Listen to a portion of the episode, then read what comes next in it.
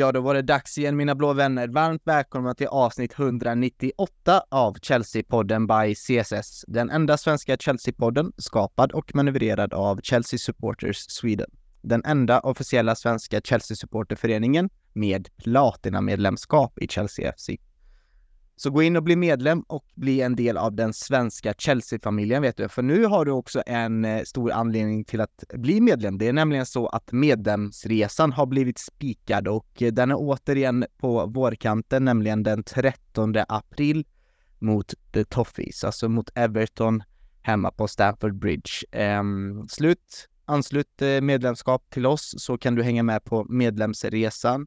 Ehm, det förutsätter också att du har medlemskap i det före detta True Blue då, alltså Chelsea Membership, eh, krävs ju också för att du ska kunna få en biljett till eh, resan. Eh, det var en väldigt trevlig medlemsresa sist, även fast vi eh, fick däng utav Enciso och eh, Brighton. Eh, men det var kul att träffa alla blåa svenska vänner i London. Eh, så det hade varit kul att träffa nya ansikten nu till våren också och det kommer ju komma mer information om resan ju närmare vi kommer. Men som sagt, för att komma med eh, till Everton så bli medlem helt enkelt. Eh, mitt namn är Patrik Petko som vanligt och jag är här tillsammans med Korpanelen igen och vi ska ju börja få ut avsnitten nu varje måndag. Det kanske blir start idag då, så kör vi nu varje måndag så gott vi kan. Um, och eh, ja, panelen är samlad och vi har sett två sprakande Chelsea-matcher. Mina vänner, Linus, vi kan ju börja med dig. Eh, visst mår man bra nu som Chelsea-supporter helt enkelt. Eh, jag var inne på det lite i förra avsnittet att ah, men det räcker att vi spelar bra och gör mål så kanske allting känns bra igen. Hur känns det för dig nu? Du var ju lite halvt negativt inställd till försäsongen och eh, inte bara försäsongen men till laget i övrigt. Hur känns det nu? Nej, men det var jag har ju fått lite svar på det jag frågade om inför, eh, när vi snackade förra avsnittet där att vi ska göra lite mål och det har vi ju absolut gjort. Vi har gjort eh, fasen, vad är det, För nio baljer på två matcher. Jag menar, det var länge sedan vi gjorde det. Så att eh, rent offensivt sett så har det sett riktigt bra ut eh, och skönt att flera spelare redan har kommit igång och göra lite baljor. medan Mydrik gör sitt första, det såg man vad det betydde. Jackson sprudlar, jag är ju kär i Angelo på kanten. Han kommer jag trycka ort för, för jag tycker att det är en, det är en unik spelare som verkligen har tagit för sig från start här. Eh, det är mycket positivt av de här två matcherna. Alltså Rexham är Rexham, det är ett division 2 League 2-lag så det, det, är lite svårt att sätta det i perspektiv till hur Chelsea ska leverera liksom, mot större lag. Men om jag går mot Brighton gör vi en bra match igen. Sen när vi släpper in två sena, lite tråkigare, alltså onödiga mål så sett så tycker jag ändå att det är två godkända matcher som jag verkligen har, ja men det, det visar på eh, ja, men ljus framtid med just det här laget som är så jädra ungt och väldigt många unga spelare som har testat och tagit för sig alltså. Verkligen tagit chansen den här gången. Mm, verkligen. Och du bara lyser genom skärmen här. Du ser mycket gladare ut än sist. Ja, ja, men det känns ju bättre än när vi spelade senast liksom. Det är klart, man måste ju tänka positivt och det har man verkligen fått göra. Och det är många spelare som verkligen tog för sig, som vi pratade om, att man tar sin chans. Och det har de gjort och man läser bara positiva saker om Pochettino hela tiden. Och spelarna hyllar honom i intervju efter intervju. Så att det verkar vara harmoni i den här klubben, i truppen i alla fall. Det har inte varit det på ett väldigt bra tag. Eh, så att nej, man förstår det. Att det, det är nog skönt för spelarna också att kunna ha det lugnt och skönt och bara kunna lira fotboll som man vill göra hela tiden. Liksom. Verkligen harmoni i klubben, eh, Temmes, eh, säger Linus, och eh, det verkar också vara harmoni på plan med, för visst spelar vi eh, fin fotboll med, eller i alla fall vi har visat upp eh, fina tendenser till offensiv bra fotboll. Ja, vi börjar ju se embryon till spännande spelmönster och en klar struktur eh, tycker jag. Och det är ju fortfarande tidigt så det är klart att eh, Pochettino och eh, laget har ju bara ännu mer tid att eh, få ett eh, system som fungerar för det är någonting som vi saknade under större delen av förra säsongen så det är viktigt att sätta tydliga ramar och ha idéer, framförallt offensivt, eh, hur vi ska ta oss an olika motståndare. Så det, det ser positivt ut så här långt. Verkligen, och eh, det här maskineriet har börjat bli så väloljat eh, nu, Viktor, att en sån gubbe som Kristoffer Vivell behövs inte längre i, i klubben. Har du några tankar kring det?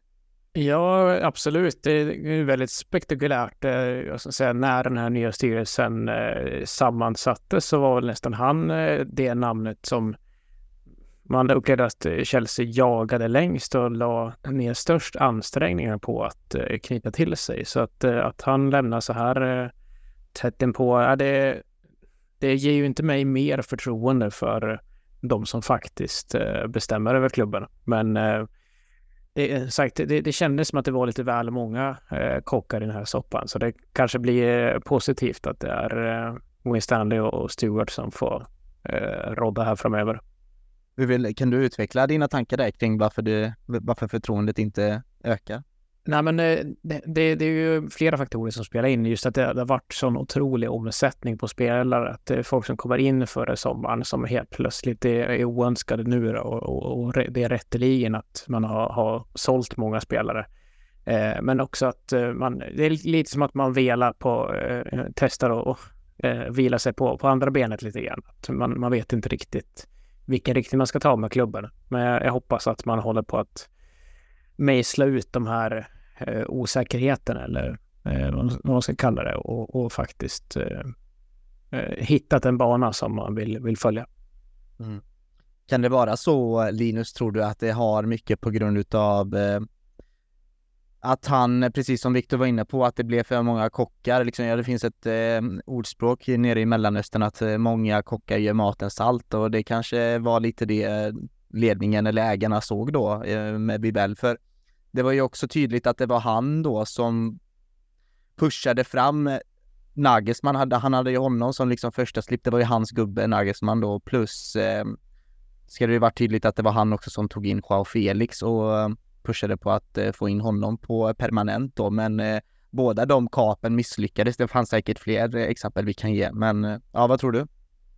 Nej, men såklart, eh, alltså som du sa precis också att han pushade för Nagelsmann och om det stämmer då att även Jao Felix och det blev inte riktigt det klubben sen ville ha kvar och eh, sen kanske han tyckte att det var inga saker som kanske gick igenom som han ville och det är som du säger, det är många kockar inblandat och det var det är lite som när man tagit in spelarna. Det var väldigt mycket spelare och samtidigt var det väldigt många på rekryteringen som plockades in på samma gång. Så det kändes som att det var svårt att strukturera. Vi satt ju och diskuterade poster.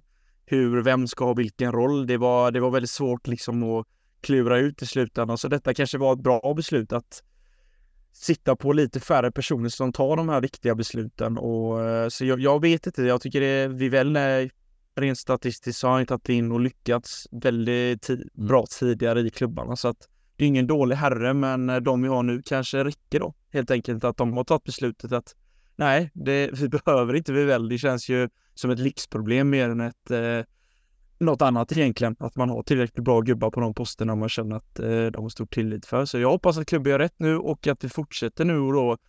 Nu är det som sagt bara två matcher, och, eh, men de spelarna vi har tagit hittills under den här säsongen ser ju faktiskt eh, mer lovande ut än eh, förra säsongens försäsong. Helt klart. Mm. Och eh, Fredrik, jag vill att du ska få avslutande tankar kring Du kan ju förklara lite varför du tror att eh, vi väl inte ja, men blev, var en större del utav planerna än vad de var. Om det kan ha varit med liksom, ja, men att inte liksom, eh, han inte fick ut sina idéer tillräckligt, att de inte kom i, i fruition som man säger. Eller tror du att det kan vara någonting annat som Viktor var inne på, att det är för mycket kockar? Eller Eh, kan det ha varit så att han bara skulle vara där en kortare tid och vi kanske inte vet mer än så? Det känns ju också väldigt konstigt, men det, det kan ju vara sant med. Eh, och sen avslutningsvis om du skulle kunna bara göra det tydligt för alla oss som lyssnar hur hierarkin i Chelsea eh, egentligen ser ut nu då i, i och med hans eh, avskedan då. Jag tror att det har mycket med rollfördelningen att göra. För när det började ryktas om, om vi väl och, då, och den här nya sammansättningen så eh, fick man intrycket att, det, att han skulle ägna sig mest åt eh, Chelsea och vara högst upp i hierarkin eh, under Bowley och sen skulle Win Stanley och eh, Lloyd Stewart eh, verka under honom och eh, det var sagt från början det spekuleras i alla fall att Lauren Stewart skulle ansvara för uh, den här uh, multiklubb-paraplyet då. Men sen när det blev officiellt efter jul så hade det skett en förskjutning där. Så helt plötsligt så var det eh, Vivell som, eh, som hade ansvaret för eh, det här, eh, den här multiklubbmodellen. Eh, säkert med hänsyn till att det redan har pysslat med eh, för Red Bull-koncernen. Eh, men eh, så tittar man vad som faktiskt har hänt här och eh, både Viktor och Linus har ju nämnt mycket här, men det var ju tydligt att han blev eh, urkopplad ur hela den här eh, tränarjakten. Det var ju eh, Lauren Stewart och eh, Paul Winstanley som eh, skötte det och eh, precis som eh, sagts tidigare så var ju han en förkämpe för Nagelsmann och eh, Jean Felix. Eh, så det var väl säkert så att han kände att han inte fick genomslag för sina idéer. Men jag tror också att eh, det handlar om att han hade inte, inte så mycket att göra helt enkelt. Han blev eh, marginaliserad och vi har ju bara eh, Strasbourg i det här nätverket så att eh, den modellen är inte på plats och därför så kände man kanske från eh, från eh, ledningens sida och han själv då att, eh, att hans roll var överflödig. Eh, sen får man väl se, det är ju fortfarande lite oklart hur strukturen ser ut, men som jag uppfattar den nu så är alltså Paul B. Stanley och eh, Lauren Stewart precis under eh, Bowley istället för Vivel då, så att det är egentligen bara en en roll som har försvunnit. Sen får vi se om, eh, om man ersätts av en sån som eh, Michael Edwards eh, som eh, hade stort ansvar i Liverpool och som vi ryckte tidigare eller Paul Mitchell som också har ett Eh, förflutet i Spurs och eh, tillsammans med Pochettino. Men eh, just nu så tror jag att vi klarar oss ganska bra för rent praktiskt så innebär det här ingen större skillnad vad jag ser det som eftersom vi väl inte gjort särskilt mycket. Helt enkelt så att mitt, mitt, eh, mitt största intryck av honom och det största avtryck han lämnat Chelsea med var väl att det var han som flaggade för Todd Bowley eh, först och tydligast att eh, Graham Potter är nog inte rätt gubbe. Så han, han fick bort, eh, bort eh, Potter och det är väl det är väl största grejen han har gjort i, i, vår, i vår klubb. Ja, det är intressant att se hur, vem som kommer leda klubben framöver på den nivån då, eller om det kanske räcker med eh, Stewart och Win Stanley och eh, det kanske blir så att Pochettino får ett större inflytande i och med detta också. Det vet man ju inte. Skulle det vara lyckat med Pochettino i ehm, i flera år framöver så ser jag inte varför inte Pochettino skulle få en mycket större, liksom mer managerliknande roll. Men nu hoppar vi väldigt långt in i framtiden. Så uh, vi tar det lugnt här och pratar om det som har hänt istället. För nu eh, har vi haft ett väldigt långt intro här, men det vi ska prata om detta avsnittet är alltså Wrexham-matchen, Brighton-matchen och sen ge uh, lite silly-nyheter. Um, men vi ska också klämma in lite vad som har hänt under fotbolls-VM där Victor Lidwell ska gå igenom hur våra Chelsea-hjältar har presterat. Så nu kör vi igång detta.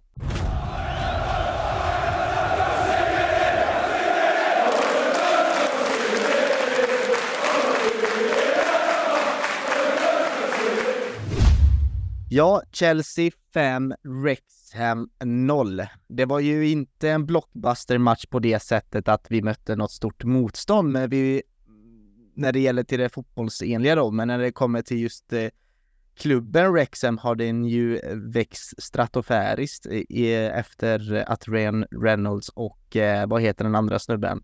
Eh, han som också är med i Always Sunny i Philadelphia, vad heter han? Rob... Eh, McElhenney, heter han så? McElhenney, ja. Jag vågar inte uttala det efternamnet. Vi, vi säger så. Och, eh, men ni känner igen hans face säkert om ni har kollat på femman någon gång eller sexan, vad det nu går. Eh, men i alla fall, de två har ju tagit klubben till helt nya nivåer i och med sin eh, Hollywood-status plus den här dokumentären då som har gjorts som har varit väldigt lyckad. Eh, Men eh, ja, det här var ju väldigt spännande. Vi var ju alla satt väl uppe och tittade på den här matchen. Vi alla var spända på att se hur detta Chelsea skulle ta sig i form då, vilka spelare som eh, kommer få chansen och hur de kommer att uttrycka sig på plan. Och vi fick se en väldigt ung elva, Viktor ändå. Det kan vi väl eh, konstatera där Cumming var i mål, Malogusto fick chansen från start. Chalobe och Humphries fick bilda mittbackspar och Kokorea till vänster. Sen hade vi då eh, två unga innermittfältare som vi är eh, spända på att se vad de kan leverera i Andrei Santos och Cesare Casadei. Och där framme hade vi den nya Moreira då som Linus gav en liten avhandling om i förra avsnittet tillsammans med Carney Chukwuemeka och Ian Matsen eh, där framme då. Och sen längst upp på topp Nicholas Jackson och vilket intryck han har gjort. Om vi börjar med Nicholas Jackson i denna matchen, Viktor. Eh, jäkla jäklar vilken fart han satte efter två, tre minuter. Direkt. Ja. Jag ska lägga in den brasklappen att eh, jag är nog den enda som inte har sett eh, 90 minuter eh, eller kanske 180 minuter i de här träningsmatcherna. Men med det röjt ur vägen så han gör ju väldigt många saker rätt alltså i, i det här forwardspelet och just den här mer renodlade djupledsgående forwarden har vi väl eh, saknat egentligen sen eh, ja, eh, Tam Abraham var väl egentligen den spelartypen vi, vi hade i klubben senast som, som gjorde de grejerna så pass ofta. Eh, och jag ska säga, betyget på Nicholas Jackson blir också lite färgat i och med att nu har ju även matchen mot Brighton spelats, vilken vi ska ta i, i kronologisk ordning. Men eh, det, det är ju väldigt roligt att en lite så under radarn-värvning eh, presenterar sig på, på det sättet. Mm, verkligen full fart direkt där och hittar Ian Matsen eh, och provider honom med en assist. Um, vad tycker ni om eh, den här, de här första inledande minuterna Chelsea gör? Fredrik, du satt väl uppe och, och såg matchen och det var ju många svar vi fick se liksom och vi fick genom att bara se eh, laget spela egentligen. Vad är det för intensitet? Vad är det Pochettino vill göra med laget? Eh, mitt första intryck innan jag släpper in det, det var ju att shit, det här laget ser eh, drillat och hungrigt ut. Det var ju mitt första intryck. Eh, hur kände du?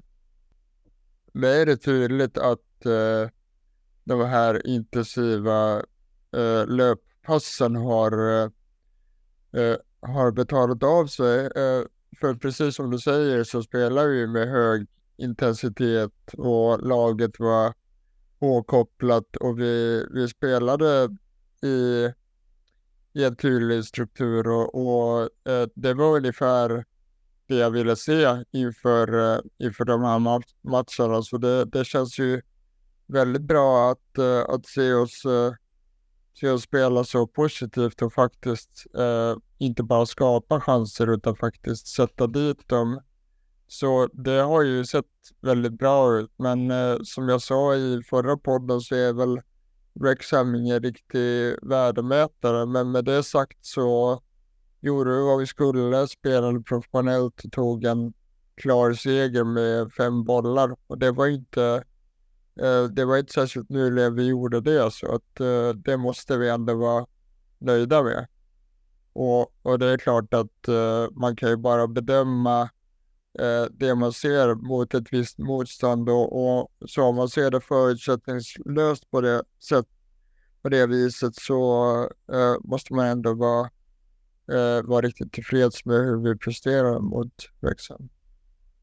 Mm, det var vi verkligen. Det födde dock ännu mer frågor. Du hade ju mycket frågor inför matchen Linus, men jag fick nästan mer frågor efter den, just den här Wrexham här matchen. Jag, vi ska gå in kanske på målen en och en. Jag vet inte riktigt om hur mycket tid vi ska spendera på dem, men den som stack ut eh, mest kanske var ju Ian Matsen med sina två mål. Och det skrevs ju en hel del om honom även på på Twitter och i annan Chelsea-media efter honom och det var ju många som tyckte, ja men nu, nu har han visat upp sig liksom efter sitt lån i Burnley. Han visar vad han kan göra. Han kan spela både vänsterback och vänsterytter och han är vår nästa Messi liksom och allt det där har man ju hört. Eh. Men eh, Ian Matsen, alltså vad, hur tänker du kring honom och vad får du för vad får du för intryck av honom som fotbollsspelare och tycker du att det är någon Chelsea borde eh, satsa på framöver? Ja, och det var lite spännande inför matchen när man såg att han skulle starta på en kant. Då tänkte jag, okej, okay, jag har inte sett han, jag har sett han lite i Burnley, men överlag så har jag ju ganska få tittade minuter på matchen. Men det han visar upp är ju en ganska självklar ganska trygg spelare i sig själv. Det såg man ju att han har haft en bra säsong i ryggen. För han ser ganska självklar ut i sina rörelser i spelet med boll och två riktigt fina mål gör han. Alltså det är ett klapp-klapp-spel och han är bekväm med bollen så det känns ju absolut som ett alternativ att ta med under säsongen. Det tycker jag inte vi behöver diskutera. Jag tycker att han borde få en chans i det här laget eftersom att han kan spela både vänsterback eh, och ytter nu då så att eh, det är en spelare jag verkligen kan se i kommande säsong och eh, men han tar ju för sig på planen. Det är ingen spelare som gömmer sig heller så Nej, men han, det, det, det, det är en spelare jag verkligen var med i den säsongen som kommer nu. För det var ändå lite frågor vi haft inför. Håller han för Chelsea eller blir det ytterligare ett lån, försäljning? Men jag tycker vi ska ha kvar honom. Mm. Det är en intressant, eh, vi kan ju stanna där lite vid matchen för det, det, det, det blir ju en, en, annan diskussion om man till följd då om man ska vara kvar i laget och det är ju Ska han spela mycket? Ska han spela lite? Ska han vara på bänk? Vilken position ska han spela? Eh, och där tänkte jag vända mig till, eh, till dig Fredrik, för du, du har väl ganska tydliga tankar på vad du vill att vi ska göra med Jan Matsen va? Jag tycker att vi måste göra allt vi kan för att hitta en uh, truppplats åt honom. Han var ju en av de bästa spelarna i hela Championship förra året och har ju gjort det väldigt bra i, i försäsongsmatcherna hittills. Så på en position där han vanligtvis inte spelar. Dessutom, vi har också hört rapporter att han ska ha imponerat på Poch så här långt. Uh, så jag tycker absolut att vi ska inkorporera honom i truppen och vänsterbackspositionen är ju ett lyxproblem som vi pratade lite om i förra avsnittet. Men jag kan se ett scenario där vi har eh, Chilwell och eh, Correa som vänsterbackar, eh, Matsen som ett alternativ, både som vänsterback och vänsterytter och sen samtidigt så låter vi Lewis Hall spelar på sin eh, naturliga position som innermittfältare. Så eh, jag säger inte att Matsen ska vara ordinarie på något sätt, men jag tror att han kan få fullt tillräckligt med minuter om han stannar. Så min eh, åsikt är tydlig. Vi måste behålla honom på något sätt. Men det är ju... Så du, du menar det talar till hans fördel egentligen att han är så anpassningsbar på just den kanten, att han kan både droppa in och spela vänsterback och eh, lite längre upp i banan då menar du? Precis, och med tekniken han har så skulle jag inte utesluta heller att han eh, kan spela till vänster på på ett innermittfält om det, om det skulle behövas. Eh, så jag tror att hans eh, mångsidighet eh, talar för honom. Ja, han har svårt att se. Jag, jag känner ju inte igen Matsen som så, men alltså att om han då får från klubbledningshåll hör att eh, ja, men, eh, Kukureya, Chilwell och Hall kommer definitivt ingå i Pochettinos trupp under den här säsongen. Att han då skulle känna att ja, men då vill jag stanna kvar och eventuellt eh, få några minuter här och där på, på olika positioner. Jag, efter säsongen han haft i, i Burnley så är det svårt att se honom nöja sig med det egentligen. Ja, det är en eh, väldigt poäng faktiskt. Det finns inga rykten vad vi har hört om att han ska få ett lån till till Burnley, va? Nu när de ändå spelar i Premier League. Nej, och det är väl hans kontraktslängd också som, som gör det problematiskt för, för Chelseas del också. Eh, om man, det är så att det, det är 2024 redan som, som eh, kontraktet går ut. Så det, det gör ju ingenting för, för vår del. Nej. Nej, och för, för mig går han egentligen före både Hall och Kukureya på vänsterbacken. Alltså jag ser ju han heller som ett alternativ att konkurrera med Chilwell.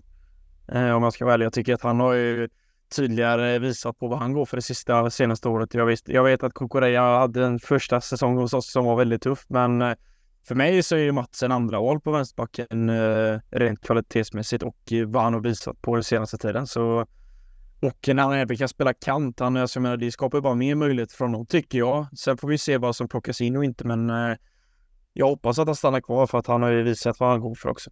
Mm.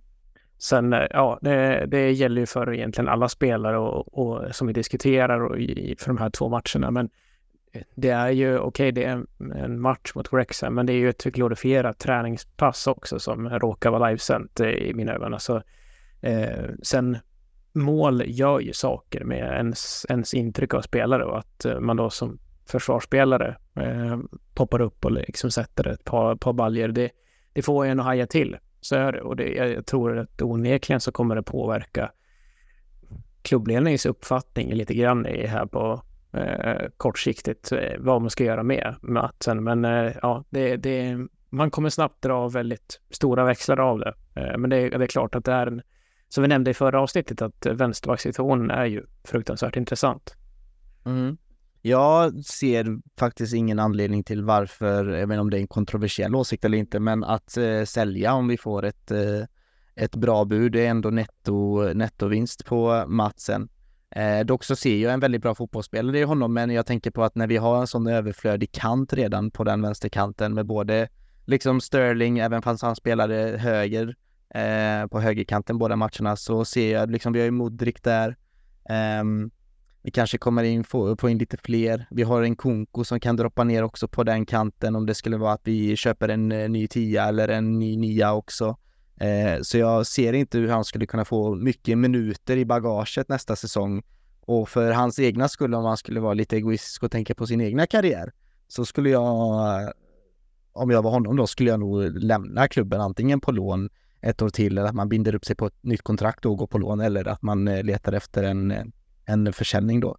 Men eh, ja, eh, nog om EM-matchen. Det var ju faktiskt fler som stack ut. Eh, ni kan ju skriva i kommentarerna här faktiskt i, i Facebookgruppen Chelsea-podden by CSS. Vad tycker ni vi borde göra med EM-matchen? Det hade varit väldigt intressant att höra vad ni som lyssnar tycker om den här unga talangen.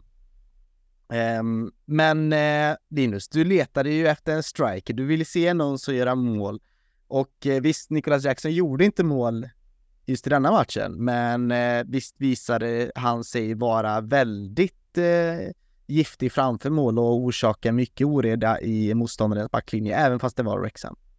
Ja, men precis som du säger, även om det är mot Rexham så visar han ju på en styrka som påminner lite om Drogba, du vet den här täcka bollen och inte riktigt få tag i eh, anfallarna och det har vi inte sett på länge. Vi har haft många tafatt i anfallare som Ja, Lukaku eh, var, är ju stark givetvis, men ja, han hann inte visa så mycket i klubben. Men överlag så har vi haft ganska Havertz var inte heller så jävla stark i kroppen tyckte jag. Eh, och det här är ju faktiskt en spelare vi som jag ser verkligen kan vara giftig. För jag menar, du såg i djupledsspelet, han drog ju isär backlinjen hur många gånger som helst under matchen och var ett ständigt eh, irritationsmoment för mittbackarna som hela tiden fick följa honom och han skapade ytor för de andra spelarna att löpa in i. Så han gjorde ett extremt bra jobb där inne. Och vi som, som vi pratade inför matchen, att vi hade inte sett honom direkt via Real, så man hade ju hade ju noll eh, koll på han, hur han skulle röra sig på planen och det var väldigt spännande rörelsemönster han rörde sig i. Verkligen och eh, vi har suktat mål och vi har visat att, eh, eller en Konko rättare sagt har visat att han, han kan göra mål alltså.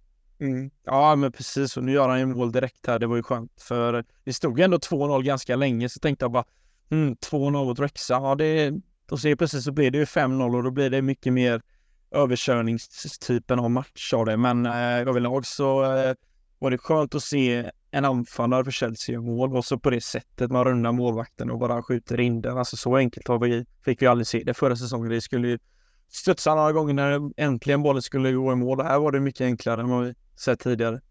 Verkligen, efter en fin passning utav Cesare Casadei som gör en eh, imponerande match tycker jag, tillsammans med Andrei Santos där på innermittfältet. André Andrei Santos ser mycket spännande ut, väldigt bolltrygg och eh, väldigt mogen för sin ålder. Eh, hade varit väldigt eh, kul och intressant om vi fick eh, följa honom eh, resten av året i Chelsea så att han inte blir utlånad. Men det tror jag inte han blir. Jag tror han ingår i Pochs eh, eh, planer. Men alltså Kristoffer Nkunku, om vi bara stannar där lite, han är ju egentligen det här strö, glitterströsslet eh, över det här laget. Det är ju han som är the man, det är ju han som är stjärnan här då tillsammans med kanske Mihailo Modric.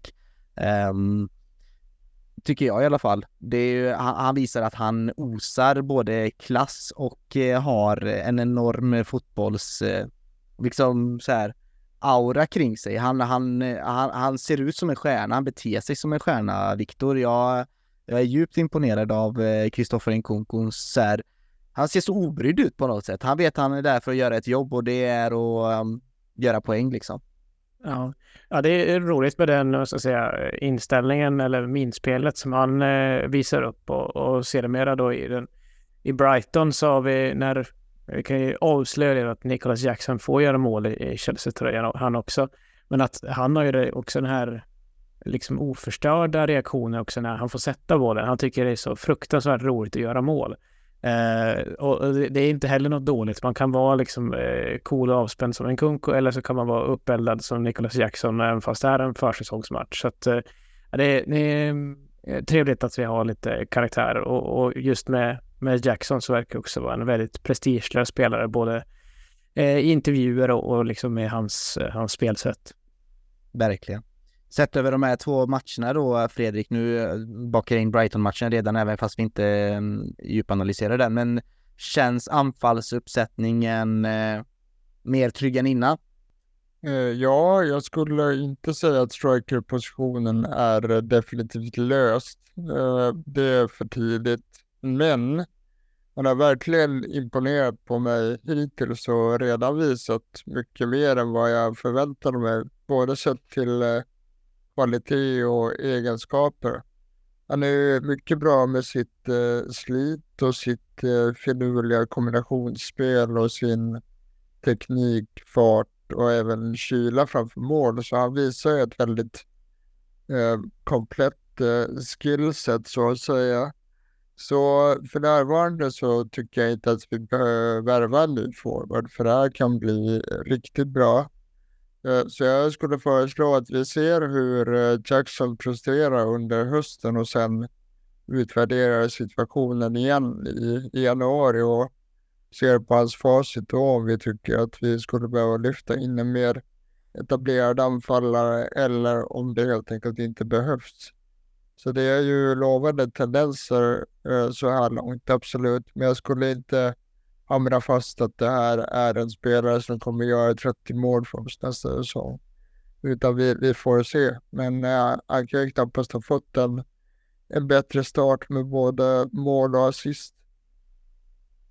Precis och eh, ja, 30 mål i Premier League, det är inte många som gör. De spelarna växer eh, verkligen inte på träd utan eh, jag tror Pochettino ser att det är laget, eh, att det är många spelare som ska göra många mål istället. Och Ja, vi får se. Nkunku är ju bra på det sättet att han kan spelas överallt där i, den, i anfallet, både i mitten eh, och eh, som eh, liksom nia och ute på någon kant om det skulle vara. Så han är ju anpassningsbar på det sättet.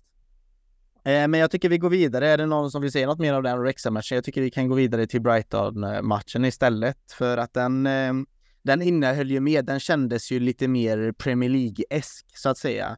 Eh, en annan intressant detalj bara om Brexham-matchen när vi släpper den, det är att medelsnittsåldern på startelvan var alltså 21,4 år eh, på Chelsea startelva. Det är nog det lägsta jag någonsin har sett tror jag, även när det kommer till försäsongsmatcher. Mot Brighton däremot så hade vi en elva som snittade på 24,8 år istället och det var det Thiago Silva som höjde medelsnittsåldern ganska kraftigt. För den startelvan innehöll Kepa Arrizabalaga, han är inte så ung heller i och för sig.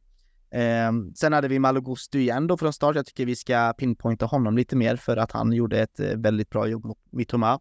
Tillsammans uh, i mittbacksparet var, hade vi Thiago Silva och Levi Colwill från start från första gången då i Chelsea-blott den här säsongen då, eller den här försäsongen. Eh, sen fick Ben Chilwell husera på sin vänsterbacksposition. Eh, I mitt, inne mittfältet hade vi Conor Gallagher, Andrei Santos. Eh, fronttrean, eller frontfyran, hade vi Raheem Sterling på en högerkant. Chukwuemeka fick starten igen som en tia. Eh, och Matsen fick återigen start, eh, chans eh, att starta igen från sin eh, yttervänster anfallsposition. Tillsammans med Nkunku på topp då, som fick starta matchen. Eh, Tycker alltså, alltså den här matchen, det kändes ju direkt att det fanns tension i den. Alltså det, den sprakade, det var Premier League-tempo, eh, det var kul att kolla på det, det var bra stämning på läktaren verkade som också, just med den här Premier League-grafiken som var Sky Sports sände ju matchen och vi har satt Sport Premium också sände den, var ju på Viaplay. Men det, känd, det kändes ju som en Premier League-match och Eh, inte en enda gång förutom kanske någon gång i andra halvlek kände jag väl att ja, men det här är en försäsongsmatch. Eh, eh, Linus, du såg alla 90 minuter. Hur, hur kändes det för dig?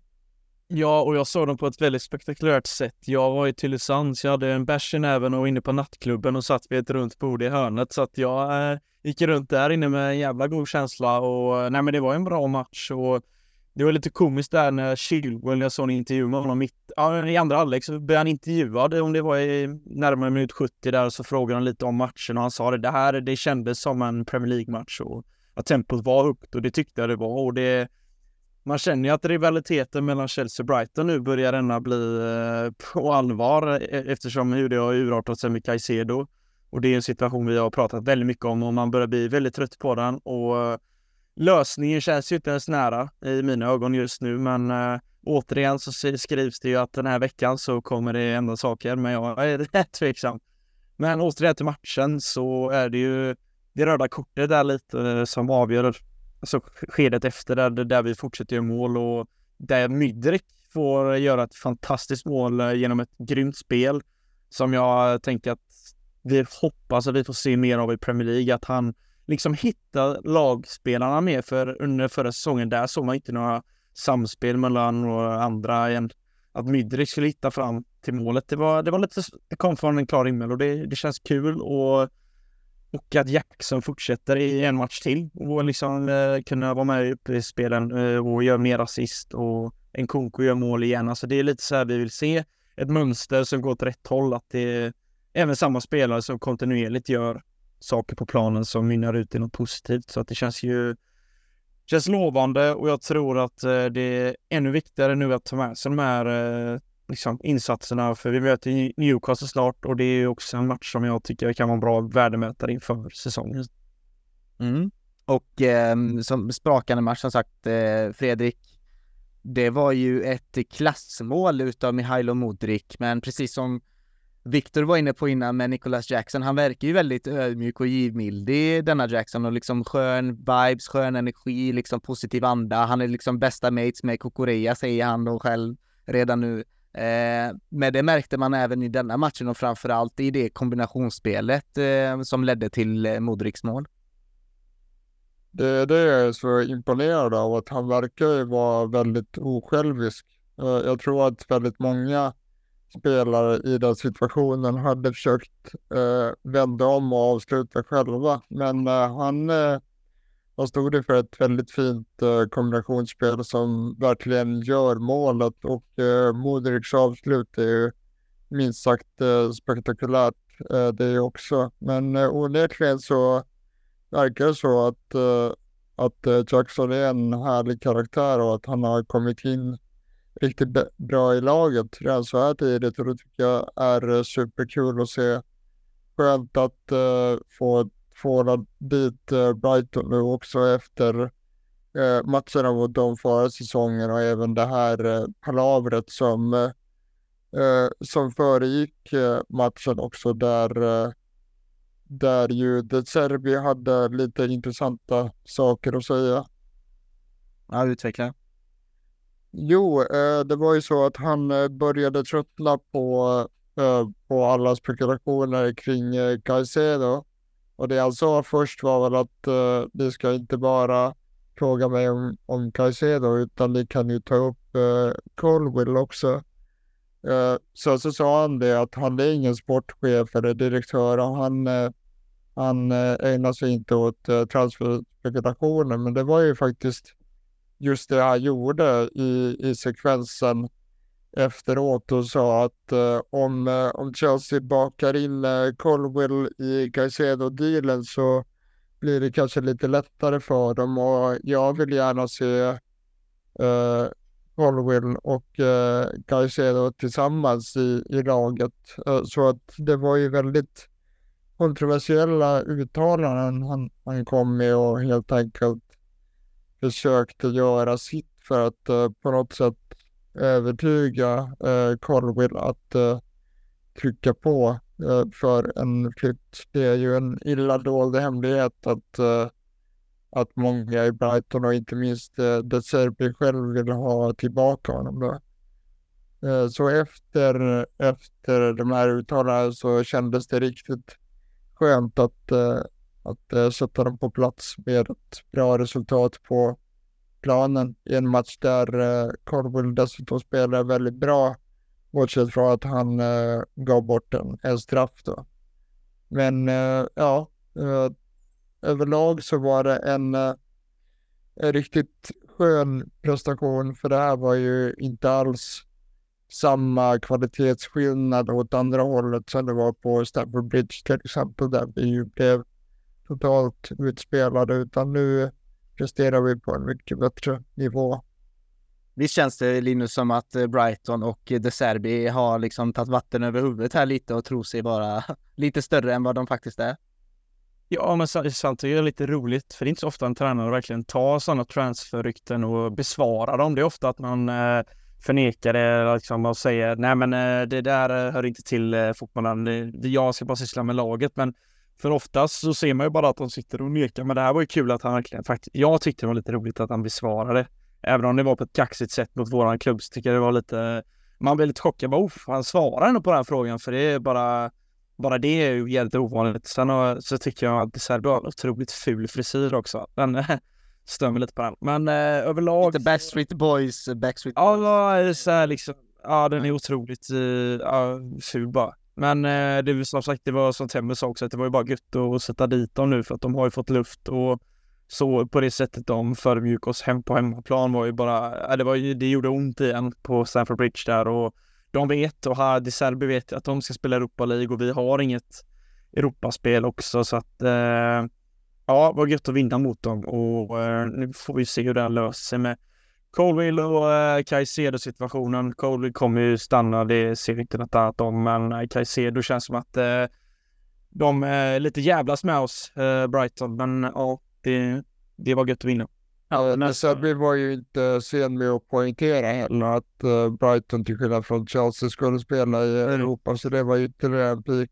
Exakt. Ja. Nej, och jag, jag, tycker också det är roligt att han faktiskt tar bladet från munnen egentligen som mm. neutral åskådare. Men, och vill inte vara någon paragrafryttare så. Men det, det vet ju alla liksom att 2023 så kontakt är ju det, det skrivs ju hela tiden att spelarna är redan överens med klubben. Nu måste bara klubbarna komma överens om en övergångssumma.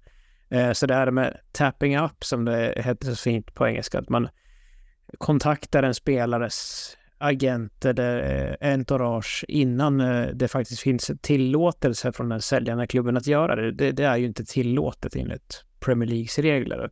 Och det har väl sällan varit något så uppenbart eh, tillfälle där eh, man ska säga, eh, en, en tränare har liksom svingat på det sättet i, i media om intresset för, för ett annat lags spelare som, som det Serbien gör här.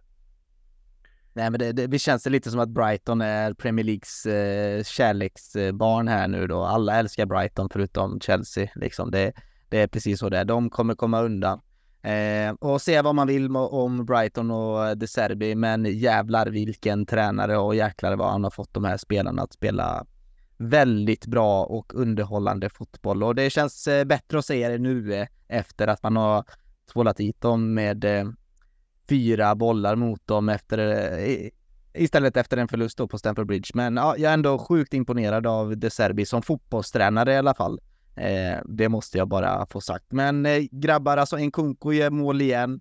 Jackson gör sitt första mål. Han har alltså tre assist nu och en mål på två matcher. Det ser bra ut. Inne mittfältet har vi haft många frågetecken kring. Vi kan vända oss dit alldeles strax, men en spelare som framförallt har både huserat där och även lite längre upp på mittfältet är ju kära Conor Gallagher som också har fått eh, ja, göra mål två matcher i rad här nu. Och eh, vi ska gå in på den Silly-nyheten lite senare då om att det kanske ser ut om att ja, med West Ham och um, Gallagher ska ha i, börjat inleda någon form av kontakt då för någon övergång. Vi får se hur mycket det stämmer. Men eh, alltså jag tycker att, alltså samma, om vi bara pratar fokuserar på Gallagher nu, eh, jag vet att Linus, det kanske inte är din favoritspelare, men visst har han ändå stepp, han ser ju fysiskt mycket snabbare ut, starkare ut och han ser skarp ut även i sina passningar och sättet att han driver upp tempo. Om han var liksom en, eh, ouppfostrad bulldog innan så verkar han vara lite mer polishund-dobberman nu alltså. Det känns som han har verkligen tränat på försäsongen och innan de drog till Amerika för att han ser som du säger väldigt fysiskt stark ut och eh, jag tycker han passar lite mer i den här tofsen han skaffat sig också. Han eh, ser inte lika klumpigt ut faktiskt. Det, och som du säger, passningarna går faktiskt till medspelare och oftast så sitter den faktiskt på foten och inte till motståndaren. Så det någonting kanske hänt Gallagher, men eh, det som har ryktats så West Ham bland annat, men det är ju väldigt liten summa jag tycker att han borde vara värd om vi ska sälja honom för han det är ju trots allt en egen produkt. Vi trycker mycket på det och han är, det är en slitvarg. Jag håller med och han har ändå visat på de här två matcherna att han, fasen, han vill inte ge upp och jag, det ska han ha. Alltså den kämpaglöden han har, det är ett fåtal som besitter den här truppen. Så att eh, jag vet inte hur jag ställer mig riktigt till Gallagher eh, om vi ska sälja han verkligen. Då får det vara för ett högt pris. Annars så ser jag gärna, för jag tror att det är också en spelare till Porsche gillar att eh, som verkligen bara sliter arslet av sig på planen och ger 100 procent. Och det får man av Gallagher, det vet vi och det fick vi även se förra säsongen. Trots en hel del brister i både tekniska mm. delar och i ja, men spelförståelse överlag, för den var, det var för dåligt helt enkelt. Jag älskar för övrigt att du, förlåt Viktor, jag älskar för övrigt att du eh, recenserar liksom alla fotbollsspelares frisyrer innan du går in på den djupa analysen. Det är liksom, mm. det är viktigt ja, men, för dig Linus. Ja, men, men både med skor och hur de är tröjor och hur de, alltså jag kollar på alla detaljer. Alltså, Bara med Chelsea-podden. Ja, men precis. Jag menar, Aspelikueta är ju en spelare som ska ha instoppad tröja, annars är det ju konstigt. Alltså sådana här detaljer måste man ju kolla på och jag tycker att Gallagher med tofsen, eh, det har gjort någonting med honom, för du ser ju, det är skillnad. Det är precis det jag tänkte flika in Patrik, men jag, jag tycker det är helt galet att man skulle överväga att sälja Gallagher och tycker det är galet att eh, Linus eh, försöker dissa Gallaghers svall som han satte på förra... förra Fan, det var ju någon jävla äh, hänga på beachen med surfbräda. Jag tyckte det så han passar bättre detta. Ja, jag, gillar verkligen tofsen också. Det, det känns väl lite försäsong över den, men äh, Gallaghers äh, hår går det fan inte att klaga på. Nej, jag tycker, han ser, jag tycker den här tofsfrisyren lite lik Niklas Hults eh, tofsfrisyr. Så jag gillar, jag gillar, när det är utsläppt och han ser lite eh, Heath Ledger ut faktiskt om du får fråga mig. Men eh, Temmes, eh, jag instämmer med Viktor till 100%. Jag tyckte det hade varit nästan, alltså nästintill idiotiskt att sälja Conor Gallagher just nu, inte bara med tanke på eh, att han ser starkare ut och skarpare ut och faktiskt tillför någonting eh, gott till laget. Han fick ju fan spela, han har ju fått spela mest av alla spelare egentligen, eh, de här två matcherna. Så Bosch verkar ju vilja ha honom kvar i laget och förlita sig mycket på Conor Gallagher, men dels också för att han är en bärande kulturikon även fast han är ung och han, han gör sig ofta ofta uttryck av att han vill tillhöra Chelsea och att han vill utvecklas i klubben och att han är liksom ett die hard Chelsea-fan själv. Han vill ju vara kvar i klubben eh, själv liksom.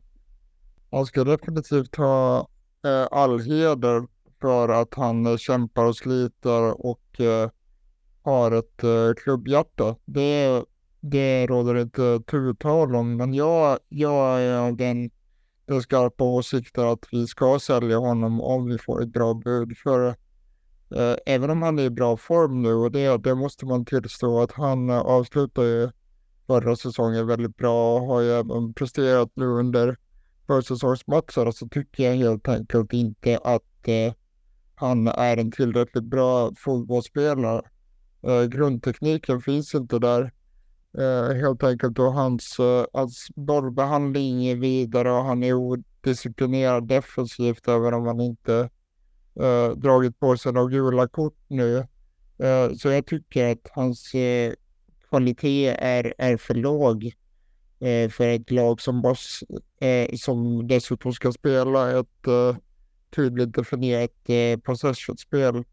Eh, som jag ser det så passar han mycket bättre i typ ett eh, Crystal Palace som satsar på, på kontringen, få, få bolltouch och sådär. Så att eh, för mig så tycker jag trots hans slit och hans eh, klubbhjärta att vi ska, eh, vi ska ta det bud som, eh, som vi får eh, förutsatt att det är bra pengar. Och jag, jag trodde faktiskt att han, eh, att han skulle ha försvunnit redan. Men med det sagt så visst, han, eh, han är ju en spelarprofil som passar bra in i Pochettinos spelidé så jag tror säkert att han ser en nytta i att ha Gallagher, men jag eh, är inte hans största supporter.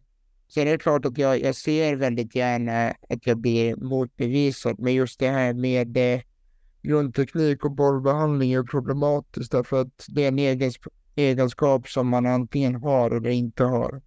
Och eh, i mina ögon så brister det allt för ofta i just den eh, aspekten med Gallagher. Eh, jag håller ju Gallagher betydligt högre som fotbollsspelare och, och sagt, nu var det ju en skräddarsydd roll han hade i Palace under genombrottssäsongen där han som innermittfältare knappt rörde bollen jämfört med andra på den positionen. Så det var en väldigt, väldigt speciell roll han hade där eh, som, som eh, kom in sent i straffområdet. Eh, eh, alla en viss källspelare nummer åtta. Eh, men eh, oaktat det, liksom med hans, hans kompetens som fotbollsspelare, är det mycket såklart det är jätteviktigt om man nu ska överväga att behålla en spelare eller inte i truppen. Så känns det ju, med tanke på strukturen nu, så är det också helt galet eh, i, i mina ögon att eh, göra honom eh, tillgänglig för, för konkurrerande klubbar. I och med att vi är, redan är väldigt tunna på innermittfältet. Så det är, en, det är en spelare som kan axla ett ansvar att hoppa in vart än på planen det krävs. Det, jag vill också väga in eh, liksom den stora omsättning som vi haft sista 18 månaderna, två åren på truppen. Det är väldigt många spelare som har kommit och gått och jag tror inte att vi som lag kommer må bättre av att vi ska ersätta en Conor Gallagher med en annan, vad ska jag säga, första reserv på, på innermittfältet. Det, det har jag väldigt svårt att se.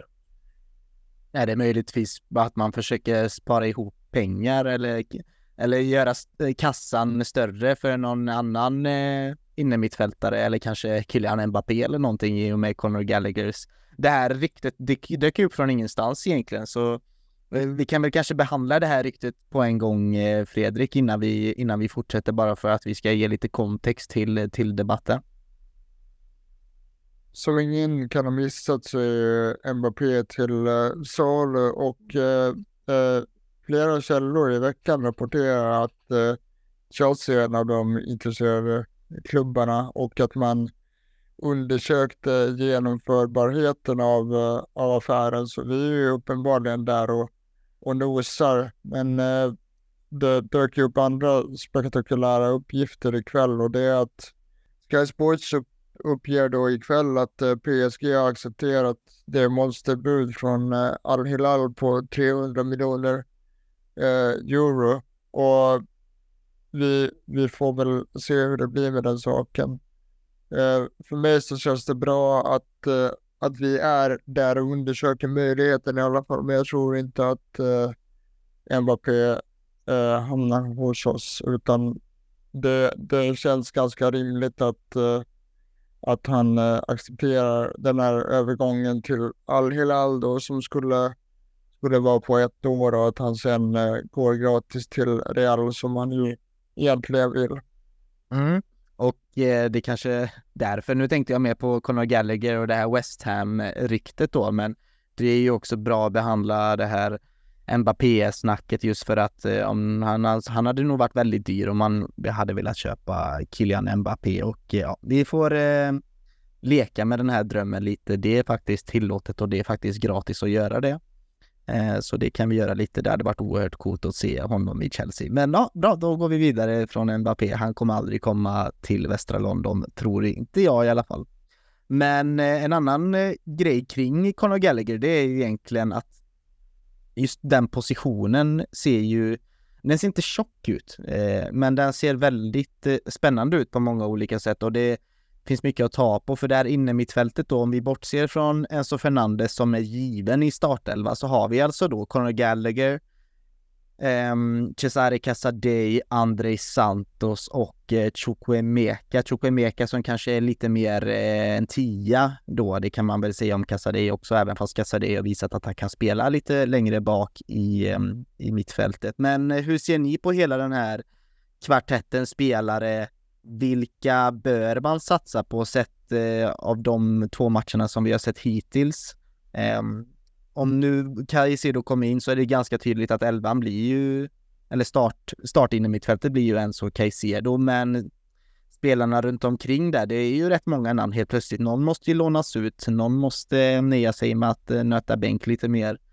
Eh, Temmes, du kan väl fortsätta fortsätta din, eh, dina tankar? På förhand så sa jag att eh, jag ville behålla Chukwuemeka och eh, André Santos och istället låna ut eh, Casadei. Men eh, efter Casadeis eh, prestationer här så skulle jag faktiskt vilja behålla alla tre och eh, till saken med eh, Conor Gallagher hör också att jag ser att eh, samtliga de här tre spelarna har ett högre tak än Gallagher som jag ser har en ganska begränsad potential. Mm. Eh, så jag vill faktiskt behålla just de här eh, tre ungtupparna. Jag ser dem som ganska olika spelartyper och vi behöver bredd på mittfältet i alla fall som du är inne på. Och med tanke på hur många mittfältare vi släppt och våra skadeproblem de senaste säsongerna så kommer det säkert finnas tillräckligt med minuter för alla tre. I mina ögon så har uh, framförallt eh, André Santos och uh, Casadei imponerat nu då och inte minst uh, Casadei verkar ju ha den fysik som krävs i, i Premier League. Så jag, jag ser gärna att vi behåller alla tre och eh, släpper Gallagher då som jag, som jag pratade om. Linus, jag ska släppa in dig alldeles strax också, men jag vill bara vända mig direkt till Viktor här på grund av att eh, där tycker jag ändå Fredrik gör en eh, valid point då, att man kanske ser en högre potential i alla de här tre eh, andra spelarna då, i Andrei Santos Casadei och eh, Chukwemeka. Det är ändå ett, eh, ett hyfsat bra argument Fredrik har där till varför Gallagher kanske inte borde prioriteras. Nu känner jag mig som en domare i en, i en jävla så här, domarsal eller någonting då, men Eh, ja, jag bollar över den till dig. Ja. Nej, men och jag tycker i det vad säger, första delen av diskussionen också när man pratar om, om Gallaghers färdigheter att eh, det, det, var ju ingen eh, glimrande debutsäsong han hade som, eh, som del av Chelseas A-trupp så att jag förstår varför man har sina invändningar mot Conor Gallagher. Eh, och sen eh, har ju jag sett betydligt mer av Conor Gallagher än jag har sett av någon av de andra tre spelarna så att jag är väl inte i position att bedöma dem eh, likvärdigt på, på det sättet. Men det här eh, taket, eh, potentialen som man pratar om, nu skiljer det några år, födelseår dem emellan, men eh, ja, eh, Gallagher gjorde ändå åtta Premier League-mål i ett eh, förvisso eh, kanske högt flygande för dagen, Crystal Palace under Vieira, men det, det, är en ganska bra nivå som, som central mittfältare. Så att den, den typen av, eh, av leverans så pass tidigt i karriären, det är viktigt av ett ganska högt tak ändå. Eh, och sagt, vi är ju jättenöjda om det här, om en av de här spelarna blir nästa Enzo Fernandes eller ännu bättre nästa Frank Lampard. Eh, men det, det, finns ju olika liksom, som skikt av fotbollsspelare där under som fortfarande är väldigt, väldigt bra och väldigt nyttiga för ett titelaspirerande Chelsea att, att ha. Så att eh, jag, jag, jag tycker det, det är en svår diskussion man ger sig in i om man ska prata takpotential och vem som kommer nå längst i sin karriär. För det, det, det är väldigt svårt att bedöma i ett sånt här skede. Ja, precis. Det är ju sportchefernas roll här nu att göra den här bedömningen tillsammans med Pochettino och ägarna. Det är ju ekonomi bakom detta, men eh, Linus, om du är eh, diktator i detta fall och får bestämma utfallet, eh, hur gör du? Nej, vi är lite två mot två i det här läget känner jag. Det är ju Patrik och Viktor mot eh, Temmes och jag och jag, jag fortsätter hålla med Temmes. Nej, men det jag känner lite spontant och det man fått sett på de här försäsongsmatcherna är ju att som ni också säger att Casadei och André Santos har ju de kvaliteterna för att spela på den innepositionen vi på mittfältet om vi ska föra boll i match som vi vill göra under Pochettino. Och det är där jag ser det liksom brister för Gallagher där inte jag inte ser han på det sättet. Just att bollen ska ju liksom levereras på ett kvalitetssätt som håller i Chelsea-standard och det ser inte jag han göra. För bakom anfallaren tycker jag att han är lite för dålig och rent in i mitt fält, där vill jag inte ha honom helt enkelt. Alltså det är där det blir för att i Crystal Palace är 4-3-3 passar mycket bättre. Det är en annan, helt annan roll där han behöver inte ha bollen på det sätt som man måste ha i Chelsea, för där ska bollen levereras till spelaren med kvalitet och där tycker jag inte han når upp till den nivå jag vill se. För jag menar, Casadei, alltså passningen med vänsterfoten fram till Nkunku, där ser inte jag Gallagher hitta. Alltså det är en superpass eh, som man bara ser och det, det är en spelare som liksom varit i Reading, fått känna på lite Championship och så kommer in på det här sättet och faktiskt visat på en hög nivå redan nu. Anders Santos känns också bolltrygg. Båda de spelarna har kvaliteter som jag ser i framtiden så kan ha hög Eh, eh, effekt i Chelsea-tröjan. Så det är därför han hamnar utanför det här facket i mina ögon och Temmes var också inne på det. Det är därför han eh, liksom är lite för hållet att vi ska sälja honom. För att de två spelarna ser jag mer i. Och Chupemueka, ja men offensiva roller, lite tian bakom anfallaren där. Det, det känns intressant och då är det frågan, får vi in Caicedo? Ja, då, då, jag tror det är Gally som är på tur att åka alltså. Det, det är rent av te alltså, tekniska kvaliteterna för att Chelsea ska få ut maximalt och det, det tycker han är lite för dåligt. Så att, eh, jag står fast vid det jag sa tidigare, men lite mer utförligt berättat liksom.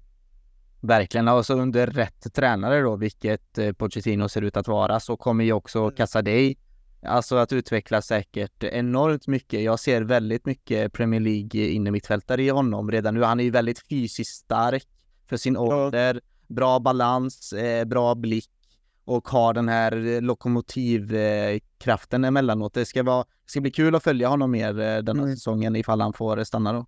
Ja, och bara fortsätta lite. Han är påminner lite om SCN e blandat med Ramirez typ, att verkligen kötsa fram bollen men även ta det defensiva arbetet hela vägen hem. Och det är sådana vi vill ha. Och jag menar bredvid Enzo där, jag kan absolut se han kasta dig med Enzo. Det känns ju som ett bra bolltryck mittfält i mina ögon. Och med speltid, då växer spelarna och det har vi sett tidigare. Det är, det är, man måste få speltid i tröjan och det är många spelare som har gått i Chelsea genom åren för att med försäsongerna men aldrig fått chansen. Och som aldrig mer spelar i den blå tröjan sen. Så varför inte ge dem en chans nu under säsongen? Precis, lite Bellingham-liken då också faktiskt. Mm, där, där, ja. Nej, det, ni ser ju, vi kastar ju massa stora fotbollsspelare över Cesare Casadei. Vi, vi tror på honom. Eh, och detsamma gäller väl André Santos. Vi får se eh, i vilken roll Conor Gallagher kommer att ha i Chelsea ifall han stannar. Jag tycker att båda sidorna har eh, bra argument för och emot Conor Gallaghers fortsatta framtid i klubben. Men någon som vi vet kommer vara kvar till hösten och som har imponerat på mig lite stort, det var ju en spelare som jag hade lite extra koll på uh, nu de här två matcherna. Jag såg båda matcherna 90 minuter, även fast det var sena nätter så var det värt det. Och det är ju Eh, Malo Gusto som jag var väldigt imponerad över. Jag, tror, jag visste att han skulle vara bra offensivt, men på det sättet han tog ner eh, Mitoma eh, i eh, lördagsnatten, det var ändå imponerande, Fredrik. Det var verkligen imponerande. Han, eh, han presterade ju väldigt bra och kom ju fram även offensivt på Eh, på slutet. Så jag, jag tror att eh, här har vi en fullgod ersättare till uh, Reece James. Så jag tror faktiskt att eh, uh, Malagusto kommer spela väldigt mycket den kommande säsongen. Och det gör ju att vi inte behöver slita på Reece James på samma sätt och dessutom skulle kunna använda honom i andra positioner. Så att äntligen så har vi en en reserv där som faktiskt kan gå in och konkurrera med Rhys James och uh, pusha honom till ännu högre höjder. Så att eh, det känns väldigt bra att, eh, att se Malo Gusto prestera så bra redan. För det är verkligen inte många som, eh, eh som håller stången mot eh, Mittoma på det sätt som han gjorde eh, mot Brighton. Så all heder till, till honom. och Eh, det ska bli väldigt intressant att, att eh, följa hans eh, utveckling under, under den första säsongen här. Så äntligen så har vi, har vi en, en bra högerbacksreserv för det har vi inte haft på, på många år sedan, sedan kära äh, Aspilicueta tacklade av. Så att nej, min känsla kring Valagusto är väldigt, väldigt bra. Mm, och jag instämmer helt där. Jag tror också att han kommer få spela mycket, men visst känns det Viktor att, eh, alltså nu behandlar vi eh, Rhys James lite som en så här pappersprinsessa, liksom att han kan gå sönder vilken sekund som helst. Men eh, alltså håller han sig frisk och visar eh, liksom att han är eh, kanske världens bästa högerback så kommer inte Malogusto få så mycket speltid. Men det har ju fått mig att tänka lite eh, annorlunda. Skulle man inte kunna, skulle inte Rhys James kunna vara lösningen på vårt innermittfältsproblem?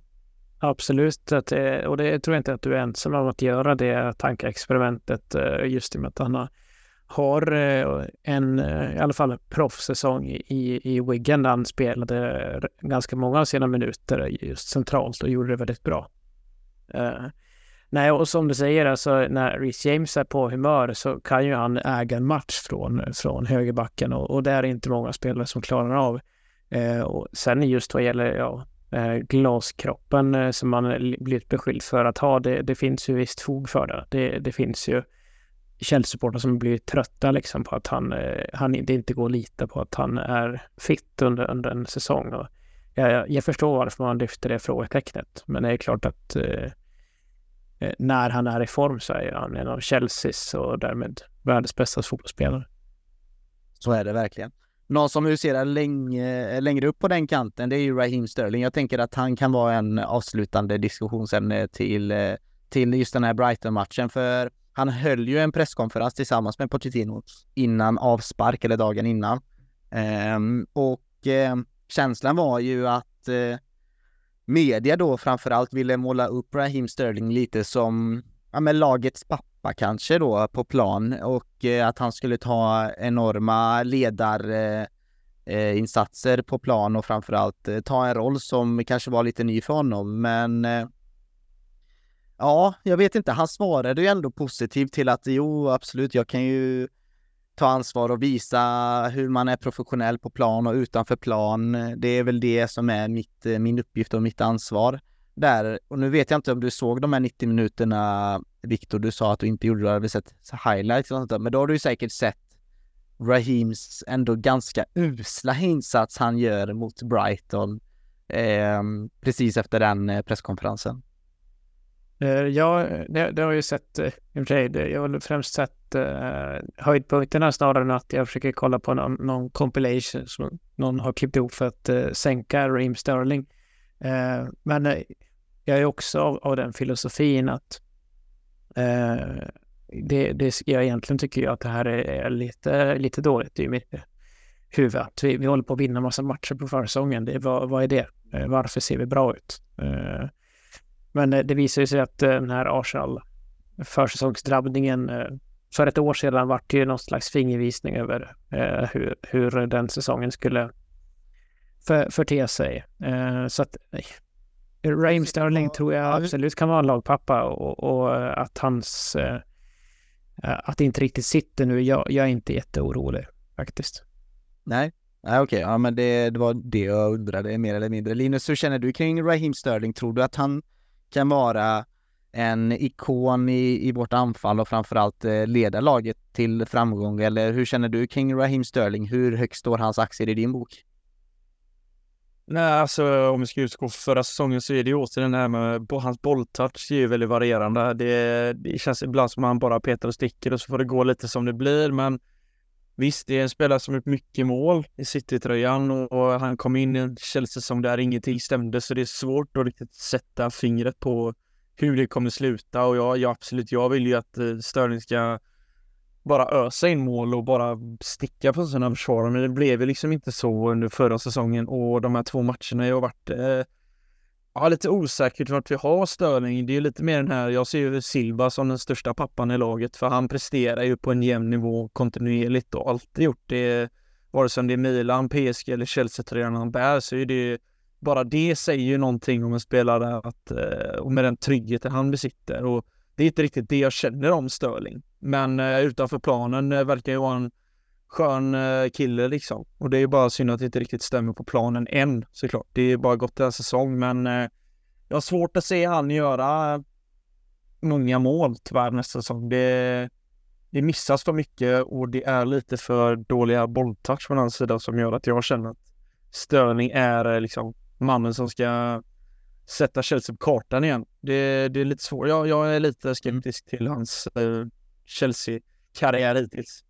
Jag tycker det är intressant med, med Sterling just och hur klubben har liksom behandlat honom utåt. För det var ju ganska tydligt Fredrik ändå när han värvades. Han var väl den första officiella värvningen, eh, stora värvningen då som Chelsea gjorde under eh, Bowley och Egbalis eh, ledning och det var ju en marquee signing men när man tänker lite på liksom sociala medier, alla mediekanaler både när det gäller Youtube och TikTok och Instagram och så vidare så har ju inte liksom Raheem har ju aldrig målats upp som ansiktet utåt för laget heller eh, som andra spelare har gjort. Och kan det vara så lite att när vi tänker på vårt bristande anfall och eh, framförallt hur, eh, hur det kommer se ut nästa säsong eh, i vår anfallsuppsättning och att vi, ja men vi kanske behöver en ny striker, vi behöver mål, bla, bla, det är att man glömmer av Raheem Sterling lite, att det finns mycket mål eh, och assist i honom och alla vet ju här som har kollat Premier League de senaste 7-8 åren att det är en otrolig fotbollsspelare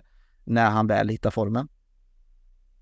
Han måste ju steppa upp både som eh, spelare och ledare i mina ögon. Efter en väldigt fin eh, start på förra säsongen så blev det i slutändan väldigt underväldigande och det var väl inte det vi förväntade oss av honom riktigt. Sen var ju hela laget eh, dysfunktionellt förra säsongen också så det kan ju bero på det. Eh, jag hoppas i alla fall att eh, Pochettino kan få eh, Raheem Sterling börja prestera igen. Eh, Poch har ju ett väldigt bra track record med yttrar. Jag tänker på Son till exempel som ju blev en helt annan spelare under Pochettinos ledning. Så min förhoppning är väl att, eh, att uh, Sterling presterar mycket bättre den här säsongen. Men han har ju varit liksom det negativa utropstecknet under de första två matcherna. Så jag hoppas att, eh, att det blir bättre, för det, det måste det bli. Mm, jag tror det kan ligga mycket assist och mål i honom eh, nästkommande säsong. Han kommer nog växa in i rollen bättre nu med mer funktionellt eh, lag och en mer tryggare miljö eh, denna säsongen. Förhoppningsvis, om det inte är något eh, Chelsea-cirkus galet som händer igen denna säsongen, vilket vi inte hoppas. Eh, men eh, Linus, innan vi eh, knyter ihop säcken med de här två matcherna, du vill ju ändå prata lite Angelo ja, jag har ju förespråkat honom både på sitter och lite vi pratade om honom lite förra inför matchen också. Jag var spänd på att se vad han går för. Men det handlar lite också om där vad som plockas in och inte. Menar, får vi in Kodos och Olysee, då, då är det jättesvårt att se han få plats där. Men jag tycker att han har visat upp alltså väldigt mycket på de här två matcherna. Och just på det sättet han hittar spelmönster mellan spelarna och hittar sina lagkamrater på ett väldigt fint sätt. Alltså de här klappkappspelen som han har hittat och denna sista han gör till Chilwell första matchen. Eh, den genomskäran, den, den är, det är sånt vi vill se från en sån spelare och sen tycker jag att han är, han är elegant på ett sätt som jag gillar just med de här brassarna som tar för sig lite nonchalant men ändå på ett eh, seriöst och professionellt sätt. Jag menar, han har gjort otroligt mycket matcher för Santos, vilket gör också ett argument för mig att vad fasen, varför kan inte han få chans i A-laget under nästa säsong? Men äh, Ja, det är helt, beror helt på situationen vad Chelsea tar in och inte. Just nu så tycker jag att han borde få plats och eh, få konkurrera, absolut. Men eh, tas fler spelare in där uppe, vilket antagligen kommer göra, då blir det lite svårare. Men jag, jag ser han gärna stanna nästa säsong. Mm, du, fick ju, du såg ju båda 90 minuterna, Fredrik. Hur går dina tankar kring Angelo? Ehm, tycker du precis som Linus att han förtjänar att vara kvar i truppen eh, till hösten eller ska han skickas ner till Strasbourg? Jag blev eh, väldigt imponerad av eh, Angelo. Jag håller med Linus helt och hållet att jag hade gärna sett honom eh, stanna för det han har visat upp eh, under de här första två matcherna har varit väldigt imponerande eh, trots att han eh, har fått spela ganska få minuter. Men det finns lite uppgifter om att eh, Chelsea redan har kommit överens med Strasbourg om att eh, Angelo ska eh, ska köra försäsongen med oss och sen ansluta dit i augusti. Eh, vi får se hur det blir med den saken, men jag, jag hade gärna sett honom eh, eh stanna och eh, konkurrera på högerytterplatsen. Så det, det återstår att se, men eh, det kan alltså vara, vara förutbestämt redan. Men, men ser man till hans kvaliteter och, och det han har visat upp hittills så tycker jag absolut att han hade förtjänat chansen. Verkligen, det känns ju någon eh, som liksom borde starta en, en cupmatch mot eh, Sheffield Wednesday, liksom. Eh, eller hur Viktor? Ja, det är väl eh, den typen av matcher som våra brassar eh, har debuterat eh, senaste decenniet. Och, ja, det, det gör ju någonting mer än att man får tillbaka den sortens eh, flärd i truppen igen. Det känns som att det var ett tag sedan. Ja men det, visst är det lite Eden Hazard-likt eller jag vet inte Neymar-likt eller nu ska jag inte ta i och säga Messi men du vet det här när man liksom hur han bryter in sig i banan och eh, väggspelar sig framåt till straffområdeslinjen och liksom den assisten han la till Chilwell är ju utsökt liksom. Ja, ja men det, och det vet man ju att eh, de, de eh, karga brittiska öarna kommer slå det ur honom att du kommer inte ha tid till de här tricksen, vilket är deppigt på ett sätt. Men eh, Hazard var ju också den typen av spelare som eh, kunde stanna upp spelet bara för att han skulle förnedra en försvarare till. Eh, han brydde sig inte så mycket om att eh, han hade en slutprodukt att leverera också för att påverka det faktiska resultatet. Men eh, det, det, det är ju väldigt underhållande ofta att se på, även om man kan slita håret ibland. Ja, och bara för att fortsätta lite där för team Angelo, så jag menar jämför med han och Moreira så ser man ju att Angelo är mycket mer klar i spelet och mogenheten och även han får ut mycket mer i spelet. Men man ser grejer Moreira, men Angelo har det mer tydligt och det är de här två matcherna har han ju visat på det. Så jag tycker att han borde få chansen, men som du eh, sa Temmes, jag har också läst om ryktena idag att det ska vara klart att eh, efter, eller efter försäsongen nu i USA han ska komma in i klubben, i laget, känna på hur det är att vara Chelsea-spelare och sen skickas till Strasbourg. Det är ju lite det också jag är rädd för. Hur blir det sen? Hur blir det nästa säsong?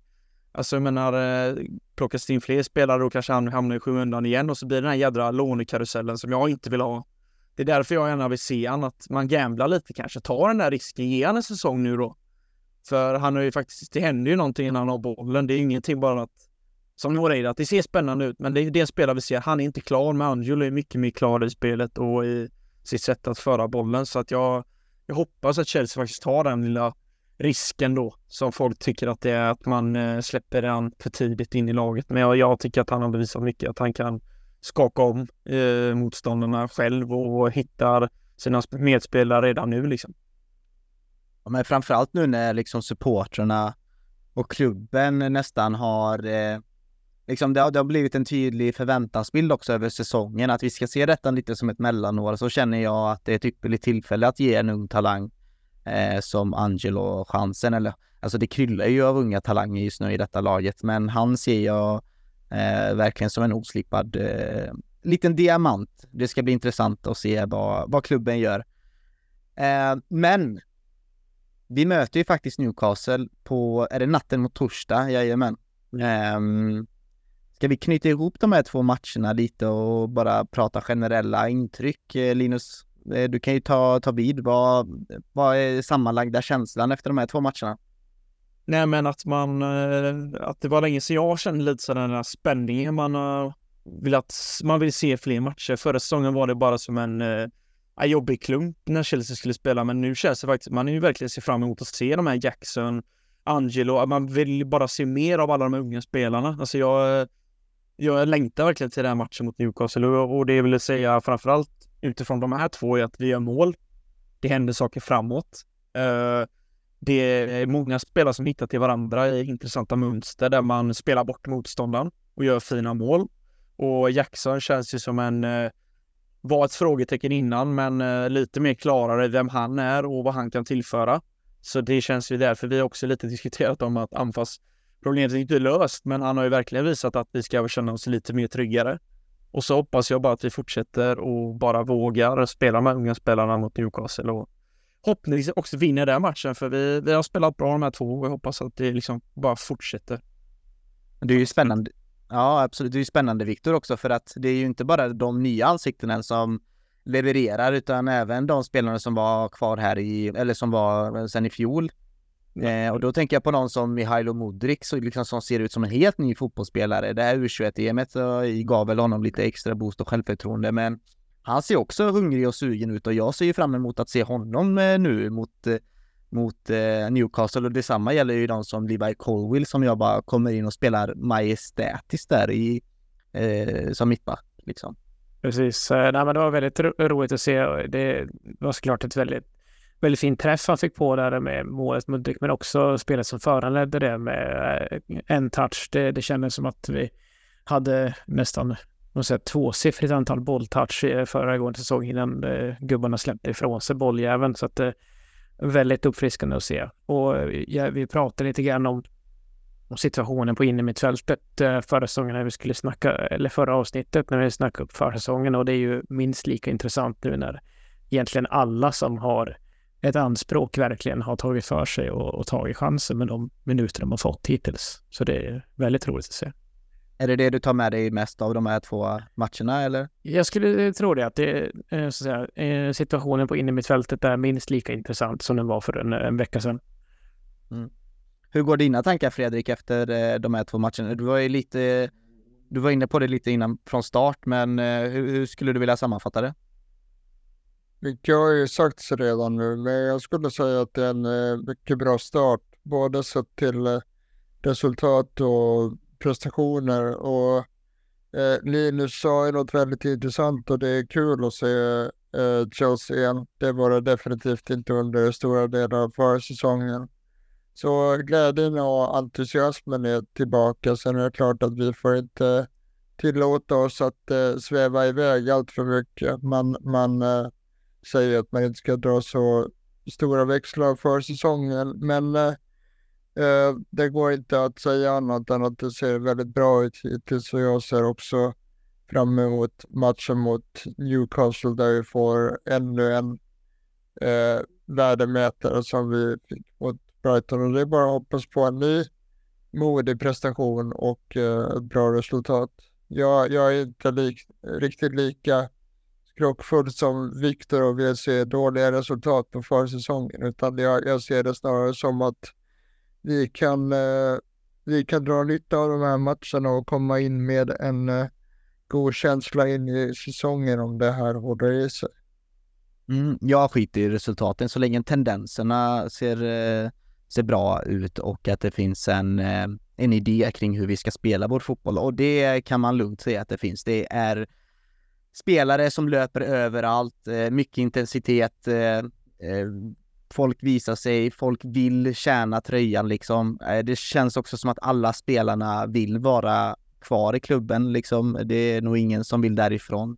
Eh, väldigt smart att lämna liksom Ziyech och eh, Aubameyang som nu har lämnat för Marseille hemma på, um, på Cobham eh, bland annat. Så eh, än så länge är det A godkänt, liksom A-betyg då från mig när det kommer till denna försäsongen. Eh, Eh, sen är det jättekul att vi vinner också. Men jag ska använda Nicholas Jacksons citat då, som han precis har gett till eh, Chelseas hemsida här. Eh, bara för att sammanfatta min känsla kring, kring försäsongen. Så ja, vi springer, vi tränar. På kvällarna går vi runt i Philadelphia. Alltså du vet, vi har eh, spelat kort, eh, vi har kastat dart, vi har chillat, vi har spelat Fifa. Uh, the vibes are great. Jag älskar alla mina lagkamrater. Uh, vilken jävla skön snubbe alltså. Ja, man måste uh, lyssna på Chelsea-podden by CSS. Alltså vibesen är immaculate som man säger. verkligen, verkligen. It's all about vibes. It's all about vibes. Um, vi går vidare till lite silly-nyheter. Nu har vi ju behandlat många namn här som Mbappé, även fast det känns lite cirkus. Caicedo-grejen, ska vi kommentera det mer Fredrik? Vad tycker du? Alltså det står ju still där. Jag vet inte, jag tycker inte det finns så jättemycket intressant att säga. Tycker du att det finns något intressant att säga får du räcka upp handen så ska jag ge dig ordet. Eh, annars eh, finns det en annan intressant spelare, Fredrik. Det är ju eh, Mohamed Kudos från Ajax som har dykt upp på, på radarn här. Eh, skulle det här kunna vara svaret på den eftersökta tian vi letar efter, eller vad tror du? Skulle kunna vara, även om eh, Kodosy framförallt är, är högerytter. Eh, gällande honom i alla fall så kom det i fredags eh, trovärdiga uppgifter från eh, ledarländerna som säger att vi är intresserade av honom och att han själv ska vilja gå. Ehm, han är som sagt framförallt en högerytter i, i mina ögon, men är ju väldigt mångsidig och kan spela över hela offensiva mittfältet och som falsk nia också. Jag tror att han har spelat åtta positioner eller något sånt där sedan han kom till Ajax för några år sedan. Eh, I dagsläget så vet vi inte vad han skulle kosta riktigt och Fabrizio Romano har ju hakat, äh, hakat på med uppgifterna och sagt att, att äh, Chelsea har hört sig för angående Bodos och äh, uppgift från eh, äh, Card Offside säger att, att vi ska ha äh, pratat om honom redan äh, i juni då så att det skulle kunna ligga någonting i det här och vi, vi får se hur det, hur det utvecklar sig. Eh, det har nämligen kommit eh, uppgifter om, om en annan ytter och det är ju Michael Olysée i Crystal Palace och det är trovärdige eh, Fabrice Hawkins som har eh, koll på, på fransk fotboll och han säger då att, att vi är intresserade av Olysée. Um, ehm, ska man citera Hawkins då så ska Olysée vara förförd av projektet då det går till oss. Det som är väldigt intressant med honom, förutom att han är en ruskigt bra och lovande spelare, är ju att han har en utköpsklausul på 35 miljoner pund. Så där har vi en väldigt eh, tydlig prislapp. Eh, det som kan vara lite problematiskt är att vi eh, sägs ha konkurrens från City här som skulle kunna se honom som en ersättare till Mares som ju nyligen gick till, till Saudi. Eh, Fabrizio Romano har då även här bekräftat vårt intresse som att det inte pågår några avancerade förhandlingar än. Jag går inte igång på uh, Olysée alltså. Jag vet inte, Viktor, du har, du har väl sett en del Crystal Palace antar jag eftersom du är en, en Premier League-vän. Eh, vad, hur tänker du kring eh, Olysée? Jag har sett, eh, sett Palace just för att man eh, var en Conor eller är en Conor Gallagher-vän. Eh, nej men eh, eh, Odyssey känns ju som en, eh, vad ska jag säga, eh, en lite grann det vi tog in Siech för fast på riktigt och eh, vad jag har kunnat se också i, i det statistiska, en, en spelare som faktiskt eh, gör någonting av värde i spelet utan boll också. Så att, och där, där, finns ju också en Chelsea-koppling sen, sen tidigare. Så det, det gör ju att jag eh, vaknar upp mm. lite grann. Han har ett förflutet i, i klubben. Mm. Känns det inte lite som att, alltså vi kanske inte har exakt den spelartypen i laget just nu Linus, men det är inte långt ifrån heller. Eh, tycker jag väl. Är det att man vill eh, kapitalisera på den här releaseklasen han har då? Eh, nu kanske det ser ut som att man hamnar i något budkrig med, med City då om de också skulle visa ett intresse. Men eh, ja, hur går dina tankar kring eh, Mikael Olise? Nej, men om vi skulle se mellan City och Chelsea så tror jag hoppas att Olise känner att han har större chans att påverka Chelsea-tröjan City där. Även om de sålde Mares så är det stor konkurrens och de har extremt mycket duktiga spelare och i Chelsea så tror jag att han har också en större chans kanske att få en startplats. Det är många unga spelare i Chelsea, men det är inte riktigt, alla har inte riktigt nått eh, den högsta nivån. Madueke, vi väntar fortfarande på att han ska slå igenom riktigt och Midrik väntar vi på. Och nu får vi se vad händer med Angelo. Alltså det är ju det är ingen riktigt så självklar. Sterling är inte heller självklar på det sättet tack vare att han inte varit så stabil som vi hade velat ha honom i truppen. Så att jag tror att han eh, rent personligen skulle nog jag ha valt Chelsea före City, men det är ju min åsikt. Men äh, Det är ju det. Ja, exakt. Nej, men sen har han ju en bra doja. Det har vi sett i Pärla så han äh, kan ju dra in. Jag minns ett mål förra säsongen mot United. Han drar in en frispark som är riktigt äh, fin. Och som du sa Patrik med lite Ziyech där med att han har så fin och känslig vänsterfot. Det är man ju svag för. Men eh, ja, vi får ju se. Det är ju ännu ingenting som verkar vara nära på något sätt. Så det hoppas det bara blir lite mer klara bud än vad det gäller Caicedo så blir jag glad. Ja, eh, jag vet inte. Jag kanske är den enda som inte går igång på det här eh, ryktet.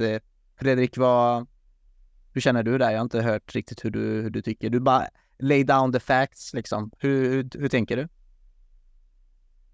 Det är ju två spännande spelare, Kodos och eh, Odyssey. Eh, jag håller båda högt, men eh, med tanke på hur eh, Angelo har presterat här så hade jag nästan egentligen eh, gett honom chansen. Men det, det verkar inte aktuellt då om det skulle stämma det här att, att vi har eh, kommit överens om någonting med, med Strasbourg redan. Eh, men just där på högerflanken så är vi ju lite tunna så att det vore väl kanske lämpligt ändå att, att uh, lyfta in någon.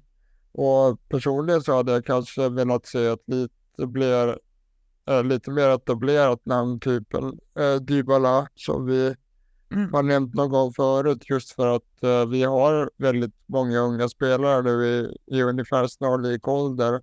Och även om uh, Kodos och uh, Odyssey är två väldigt bra spelare med hög potential så skulle jag kanske vilja se eh, någon med en lite annan ålder där. Men jag, jag skulle inte tacka nej till, till Odyssey. Det skulle jag inte.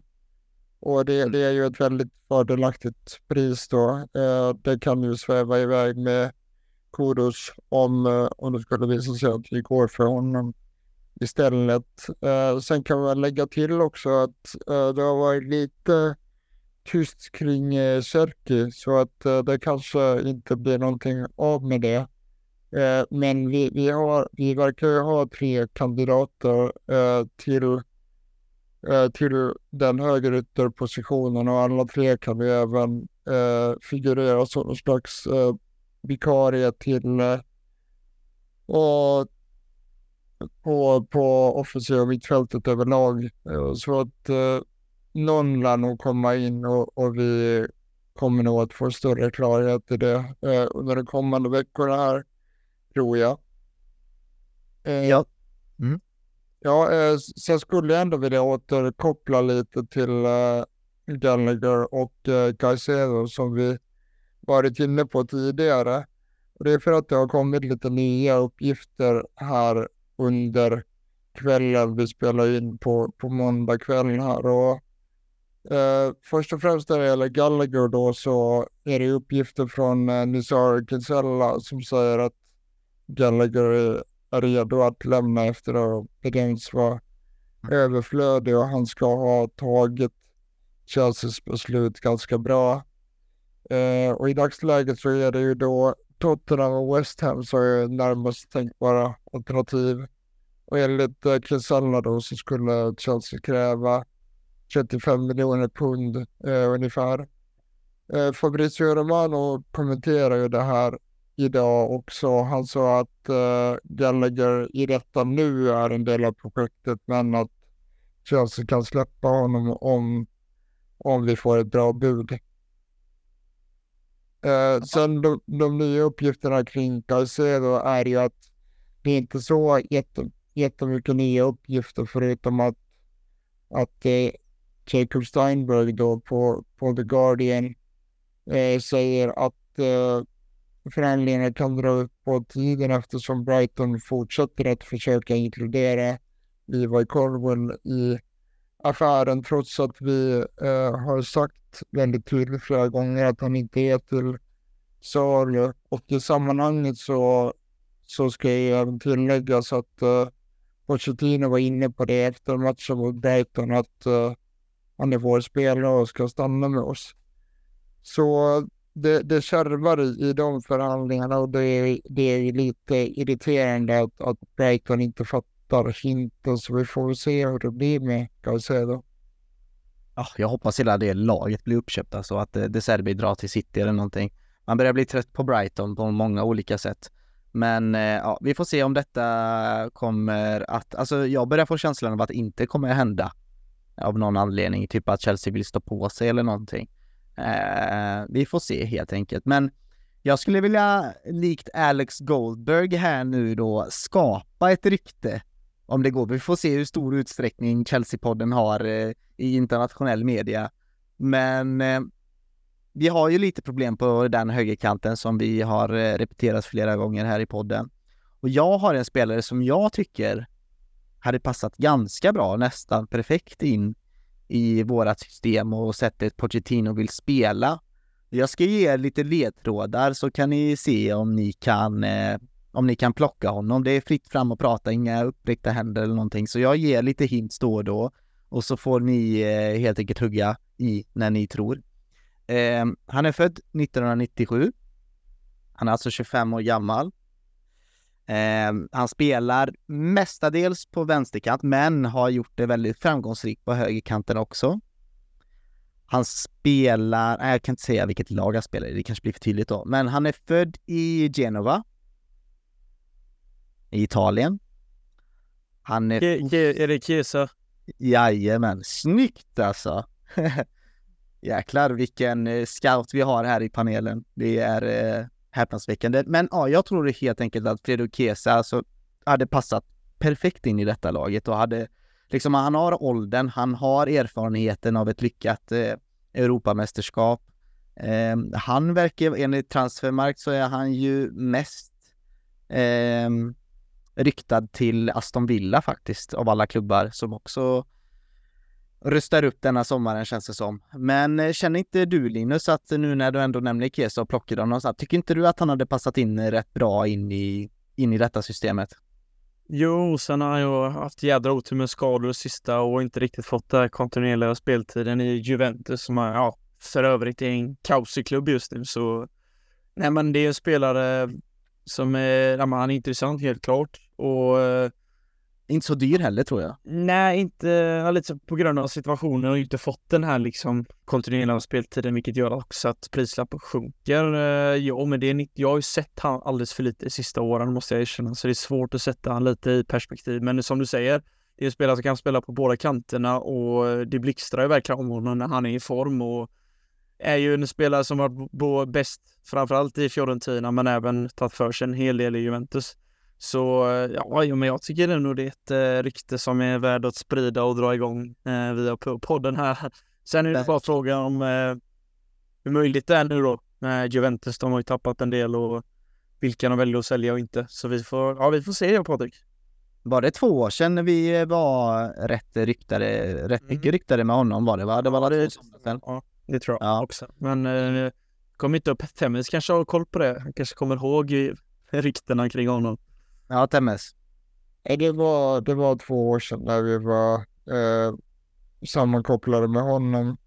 Sen eh, åkte han ju på den här, eh, den här tunga skadan då som, som gjorde att intresset svalnade lite och det är väl det, är väl det som oroar mig, eh, hans eh, skador. För att han har talangen och förmågan eh, råder inte tu tal om, men, men han är ju väldigt hårt skadedrabbad och, och vi, vi vet inte riktigt hur det kommer påverka honom framgent. Sen tror jag också att uh, han är väldigt högt hållen i, i Tjove och att det skulle uh, kunna bli svindyrt. Så det är väl det som talar emot den affären. Annars så gillar jag också ryktet för han är helt klart en eh, begåvad spelare. Mm, han åkte ju på en riktigt jobbig skada där i Champions League var det mot PSG i, i höstas. Eh, så han har ju bara fått spela 21 matcher och gjort två mål och fem assist. Så det är ingen imponerande säsong han har bakom sig. Men marknadsvärdet ska ligga runt 40 miljoner euro där och eh, han har bara två år kvar på sitt kontrakt i Juve. Han skrev inte på Eh, ett sånt långt monsterkontrakt som vi Chelsea-supportrar har blivit vana vid nu, utan det är ett normalt eh, normallångvarigt kontrakt i, i fotbollsvärlden eh, som man sitter på. Så ja, det hade varit spännande att se Kesa där, han hade nog passat in. Men innan vi avslutar så ska Victor Lidvall ge oss en redovisning kring hur det har gått för våra Chelsea-stjärnor nere i Australien och Nya Zeeland.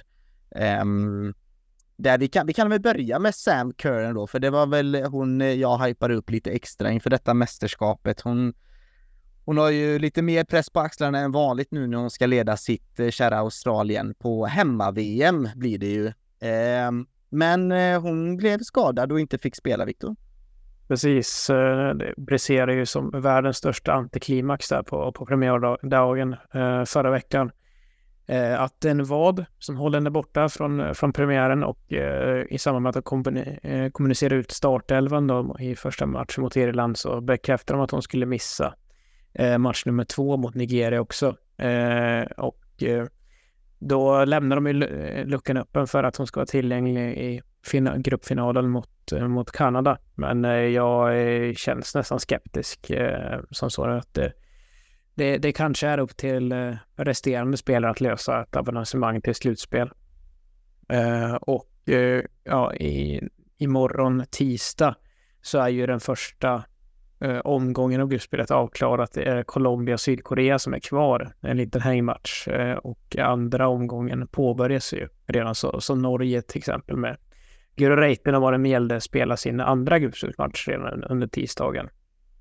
Eh, och det, det, är ju det största första VMet någonsin med 32 lag på, på damsidan. Och ni kanske minns när eh, USA dammade till eh, Thailand med 13-0 så sent som fyra år sedan. Eh, eh, men det, sådana resultat har vi hittills varit förskonade av, vilket eh, är skönt. Att även fast det är åtta debutanter i, i VM så är det en, en nivå på dem som, eh, som verkligen bidrar till, till spännande matcher. Alltså Sverige hade det tufft mot Sydafrika. Vi hade England som var rejält pressade av Haiti. Eh, Jamaica löser kryss mot, eh, mot Frankrike. Eh, så att det, det är eh, avståndet, eh, åtminstone på de här, det här urvalet av matcher har krympt mellan toppen och botten. Så det gör ju att det blir en mer, mer underhållande och mer oviss turnering att följa. Med svenska blå ögon, vilket betyg skulle du vilja ge eh, Musovic och Kaneryd? Var det några fler som, nej det var Kaneryd och Musovic. Mm. Eh, båda startar i matchen och det är roligt att eh, Musovic får chansen nu före Jennifer Falk.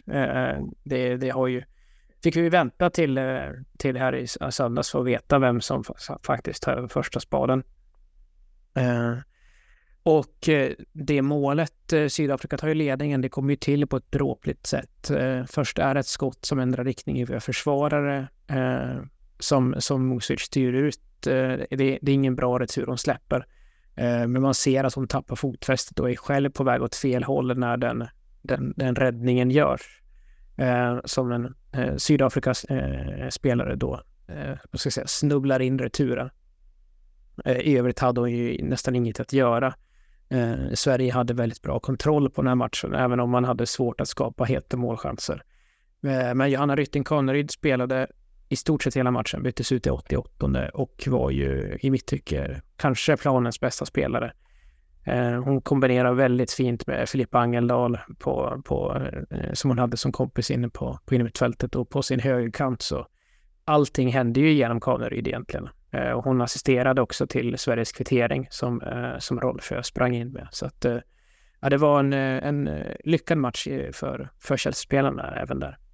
Mm. Och eh, sista omgången, eller förlåt, eh, första omgången avslutas alltså imorgon då Eh, klockan 10 sista matchen då Schweiz och eh, Norge drabbar samman där vi får se rejten då. Men är det någonting eh, vi som vi utanför som kanske inte har jättestor koll på ehm, eh, damfotbollen eh, då, måste vara ärlig och säga det, så är det någon eh, match i nästa omgång som eh, rycker till lite extra för dig? Eh, det, det kanske är dumt att, att sälja in den på det sättet, men just i, i Englands grupp eh, har de ju också då Kina och Danmark utöver Haiti. Eh, och det är framför allt en spelare där, eh, Lyons eh, eh, nyförvärv inför här säsongen som har, har ensam cirkus där egentligen. Eh, det är eh, alltså vidöppet i den gruppen bakom Europamästaren England vem som eh, ska gå vidare. Men nummer sex i Haiti, Dumonet, är ja, hon, hon hade verklig show faktiskt och skapade stora problem för, för England nästan på, på egen hand. Så att det, det är något att hålla ögonen på att en grupp som kanske ser klar ut på förhand vilka som ska gå till åttondelsfinal, att det är väldigt mycket mer öppet än vad man kan tro. Och eh, ja, eh, Italien, Argentina i Sveriges grupp. Jätte, jätte, jämn match. Så att det, det, det går inte att ta något för givet här. Eh, vilket gör det ja, väldigt mycket mer intressant för den vad ska säga, neutrala och eh, kanske lite mer eh, inte fullt så investerade åskådaren att, att faktiskt följa turneringen. Mm.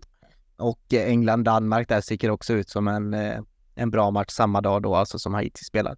Eh, men ja, jag får tacka så mycket Viktor. Vi kommer att ge en eh, ny uppdatering om detta nästa vecka då det har spelats nästan två omgångar ändå i gruppen. Vi kommer göra det resten av sommaren ända tills vi når en vinnare i slutet av eh, augusti blir det va? Eller i mitten på augusti där någon gång. 20 yes. Ja, precis. Eh, härligt, men eh, med det mina herrar så eh, tackar jag så mycket för er medverkan i podden återigen. Stort tack Linus! Tack så mycket. Det var lika roligt som vanligt och roligt med Gallagher-diskussionen som var, det var spännande att höra från två olika håll att inte alla höll med varandra också. Så det var, det var lite extra roligt idag. Mm, innan du lämnar här då, vad vill du ge våra frisyrer för betyg? Era tre här, ja, jag sparar ju långt hår när jag tänkte jag ska spara ut till Gallagher-håret här nu. Men nej, jag tycker alla är tjusiga i den här gruppen så jag vill inte verkligen säga bu eller bä så att jag, alla får bra betyg här. Vilken Okej, diplomat. Ja, men det är skönt. Vilken, vem har bäst frisyr i Chelsea då? Oh, alltså jag, jag är ju svag för uh, fades och liksom korthåriga. Uh, och nu tycker jag ändå, nu, nu har jag sagt Angelo så många gånger, men uh, Angelo och Santos har fräcka flätor också så att uh, ja, det där vinner Santos tror jag just nu i alla fall. Sämst har Kokoreja för det är jävligt ett svall alltså, det står åt alla håll. Han känns typ långsammare i håret liksom. Ja, ja men det är faktiskt sant. Jag gillar Chukwemeka så, den, den han har. Ja, ja det, det, det är också snyggt. Det, Ja. Kepas är lite väl stekigt så den eh, jag ligger också botten faktiskt. Ja, precis. Den nygifta Kepa stilig ändå, måste man ändå säga. Eh, Temme, stort tack för ditt bidragande här idag. Det var inte lika rörigt på transfermarknaden som det brukar vara kring oss, men eh, ja, än är inte fönstret stängt. Precis, det kan ju hända eh, mycket saker och det, det lär det göra också. Men eh, det blev ju ett matigt avsnitt ändå med mycket andra eh, intressanta diskussioner så att eh, vi, vi eh, satsade på det den här gången och eh, pumpar på här fortsättningsvis då med, eh, med eh, kontinuerliga avsnitt. Yes, det ska vi verkligen göra Viktor och jag vet att nästa gång när vi pratar om en vecka, då ska du ha sett matchen i sina fulla 90 minuter. Absolut, jag ska se till att göra hemläxan. Eh, och tack till dig Patrik som eh, roddar här. Eh, kaptenen på Chelsea-podden Skutan och gör det otroligt bra. Eh, kan säga också att det, är väldigt roligt eh, när man gör så här efter match. Att det, blir väldigt mycket mer konstruktivt och, och diskussioner som går att ta på på något sätt. Det, det är roligt att, att och det kändes som att vi var tvungna att komma ut med ett avsnitt häromveckan när vi hypade upp försäsongen. Men det, det var ett väldigt roligt avsnitt att spela in idag. Det håller jag verkligen med om. Och extra roligt också när vi spelar så flärdfull, rolig, målglädjande fotboll som vi faktiskt gör. Även fast det är försäsong eh, så ska vi inte ta ut segern i förskott utan eh, känslan är i alla fall bra och eh, den känslan har vi varit eh, väldigt benägna att eh, smitta er som eh, lyssnar också här i kväll eller på morgonen eller eftermiddagen eller när du nu lyssnar på detta avsnittet eh, så vill jag i alla fall säga stort tack för att ni har lyssnat. Kom ihåg nu också att gå med i våran poddgrupp på Facebook som heter Chelseapodden by CSS. Eh, ni kan även gå med i våran Discord. Jag glömmer ibland att göra en plagg för den. Eh, jag kommer länka alla våra sociala medier, både när det gäller Twitter, Discord och ehm, Facebook nere i poddbeskrivningen. Eh, men det bästa sättet du kan bidra, det är ju självklart att gå och bli medlem i Chelsea Supporters Sweden, som är alltså den enda svenska föreningen med platina-medlemskap i Chelsea Football Club.